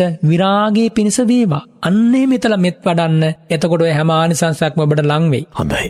මගේ මේ සිත මෙත් වැඩීම උදෙසාම වේවා. මගේ මේ සිත මෛත්‍රී වැඩීම උදෙසාම වේවා. ධර්ම මාර්ගයේ හැසිරීම උදෙසාම වේවායි කියලා හැම විටම හිතාගෙන ඔබ ඔබේ ජීවිතේ හැඩගස්වා ගන්න, අකුසලයෙන් මිදෙන්න, කුසලයටම නැඹුරු වෙන්න, ධර්මයට ප්‍රිය වෙන්න, ඒ තුල තමන්ගේ ජීවිතය ගත කරන්න. එවිට මං හිතන්නේ තමන්ට අකුසල් සිදුවන අවස්ථා අඩුයි, කුසලය වැඩෙන කුසල් මාර්ගයෙන්ම නියැලෙන අවස්ථා ජීවිතේට ලං වේවි. ඒ ලං කිරීම තමයි අපේ සිතේ එකම පැතුම. සිත්නේ තසපුවේ අපේ වැඩසටහනේ උතුම් වූ දායාදය ඔබට තිරණ කරන්නෙත් ඒ වෙනුවෙන්මයි ධර්ම දායාදේ ඒ සඳහා අද දවසේ ලැබෙන ඉඩකඩ අපට මෙලෙසින් නිමාවට පත් කරන්නට සිදු වෙනවා. ඉඩකඩ අද දවස් තුලදී මේ වැඩසටහන නිමාවට පත් කරන්න උදා වෙලා තිබෙනවා. ඒ නිසා මේ දෙහෝරාව තුල සැබවින්ම ඔබට ඔබේ ජීවිතේ හැඩගත් සොයා ගන්නට ලැබුණු උපදේශනයේ අනුශාසනාව හැම විටම ඔබ ගෞරවයෙන් පිළිගන්නා වග අප තරයේ විශ්වාස කරනවා කරන. ඒ නිසා තවදුරටත් ධර්මයේ නියැලෙනට ඔබට ශක්තිය ධෛර්යය ලැබේවා කියලා ප්‍රාර්ථනා කරනවා. ඒ ශක්තිය ධෛර්යය හිතේ ඇති කරගන්නට නිවැරදි සම්බුදුරජාණන් වහන්සේගේ අනුශාසනාව ඔබට අපට අනුශාසනාවෙන් ලං කරන සිත්නිත සුපුවේ ගරු දේශකයාණන් වහන්සේ පූජනීය වන්දනීය බලංගොඩ රාධ ස්වාමීන් වහන්සේ උතුම් වූ නිවනින් නිවේවා. උන්වහන්සේ කරන්නා වූ සියලු කටයුතු සර්ව ප්‍රකාරයෙන්ම සාර්ථක වේවා. උන්වහන්සේට නිදුක්ව නීරෝගීව තව දීර්ඝ කාලයක් මේ සසුන වඩන්නට ශක්තිය ධෛර්යය ලැබේවා. ඒ වගේම උන්වහන්සේ රැස් කරන කුසලයන් ඒ වගේම අප රැස් කරන කුසලිනුත් උන්වහන්සේට අනුමෝදන් කරනවා. තමන් වහන්සේ කරන්නා වූ ඒ උතුම් වූ කුසල ශක්තියේ පාරමිතා බලයෙන් මේ ගෞතම සම්බුද්ධ ශාසනයේම උතුම් වූ නිවන් අවබෝධය අපේ හාමුදුරන් වහන්සේට වේවායි කියලා බොහොම ගෞරවයෙන් අපේ ශ්‍රාවකයන් වෙනුවෙන් අපේ සිත්නිත අසපුවෙන් ප්‍රාර්ථනා කරන ස්වාමීන් වහන්සේ. සාධහෝ සාධහෝ සාධහෝ ඒ හෑම දෙයක් මම අනුමෝදම් වෙනවා. අතිපෝජනීය මහා සංඝරත්නයට නිදුක් නිරෝගිසුව ලැබේවා. ධර්මාවබෝධයම වේවා. පින්වත් වරුණ නෙත් FM කාර්ය මණ්ඩලය හැම දෙනාම සැදැහැති ලෝ සතුන් සියල්ලෝ මේ උතුම් දහමින් නිවේවා සැනසෙත්වා සියලු සත්වයෝ වෛර නැත්තෝ වෙත්වා තරහ නැත්තෝ වෙත්වා දුක්පීඩා නැත්තෝ වෙත්වා සදා කල්හි සුවපත් වෙත්වා කියල මම ආශිර්වාද කරනවා. සාධූ සාන්දූ සාදු ඒ ආශිර්වාදයත් ආශිර්වාද ප්‍රාර්ථනාවත් සමඟ සිත්නෙත් අසපුුවෙන් අපි අද දවසට සමුගන්නේ නැවතත් ලබන සතියේ තවත් වැදගත් වූ බුදුරජාණන් වහන්සේගේ ශ්‍රීමුක දේශනාවක ආශිර්වාදය මඟ පෙන්වේ මනුශාසනාව ඔබට ලංකිරීමේ අටියෙන් අපි ඔබට ආරාධනා කරනවා නෙත් සමග දිගෙන් දිගටම රැඳෙන්න ඉදිරි වැඩසටහන්වලදී ඔබේ දහම් ගැටලු අප වෙත යොමු කරන්න. ඒවාට පිළිතුරු ලබා දෙමින් අපේ හාමුදුරන් වහන්සේගෙන් ඔබට අනුශාසනා ලබා දෙමින් සිත්නිත අසුපුව තුළ ඔබ නිවුණු පුද්ගලයේ බවට පත් කරන්නට හැම විටම අප කටයුතු කරනවා. ඒ සඳහා යොමු වෙන්නට ඔබට ආරාධනා කරමින් හැම දිනාටම සම්බුදු සරණ ප්‍රාර්ථනා කරමින් සිත්නිත අසුපුවෙන් සමුගන්නා තෙරුවන් සරණයි.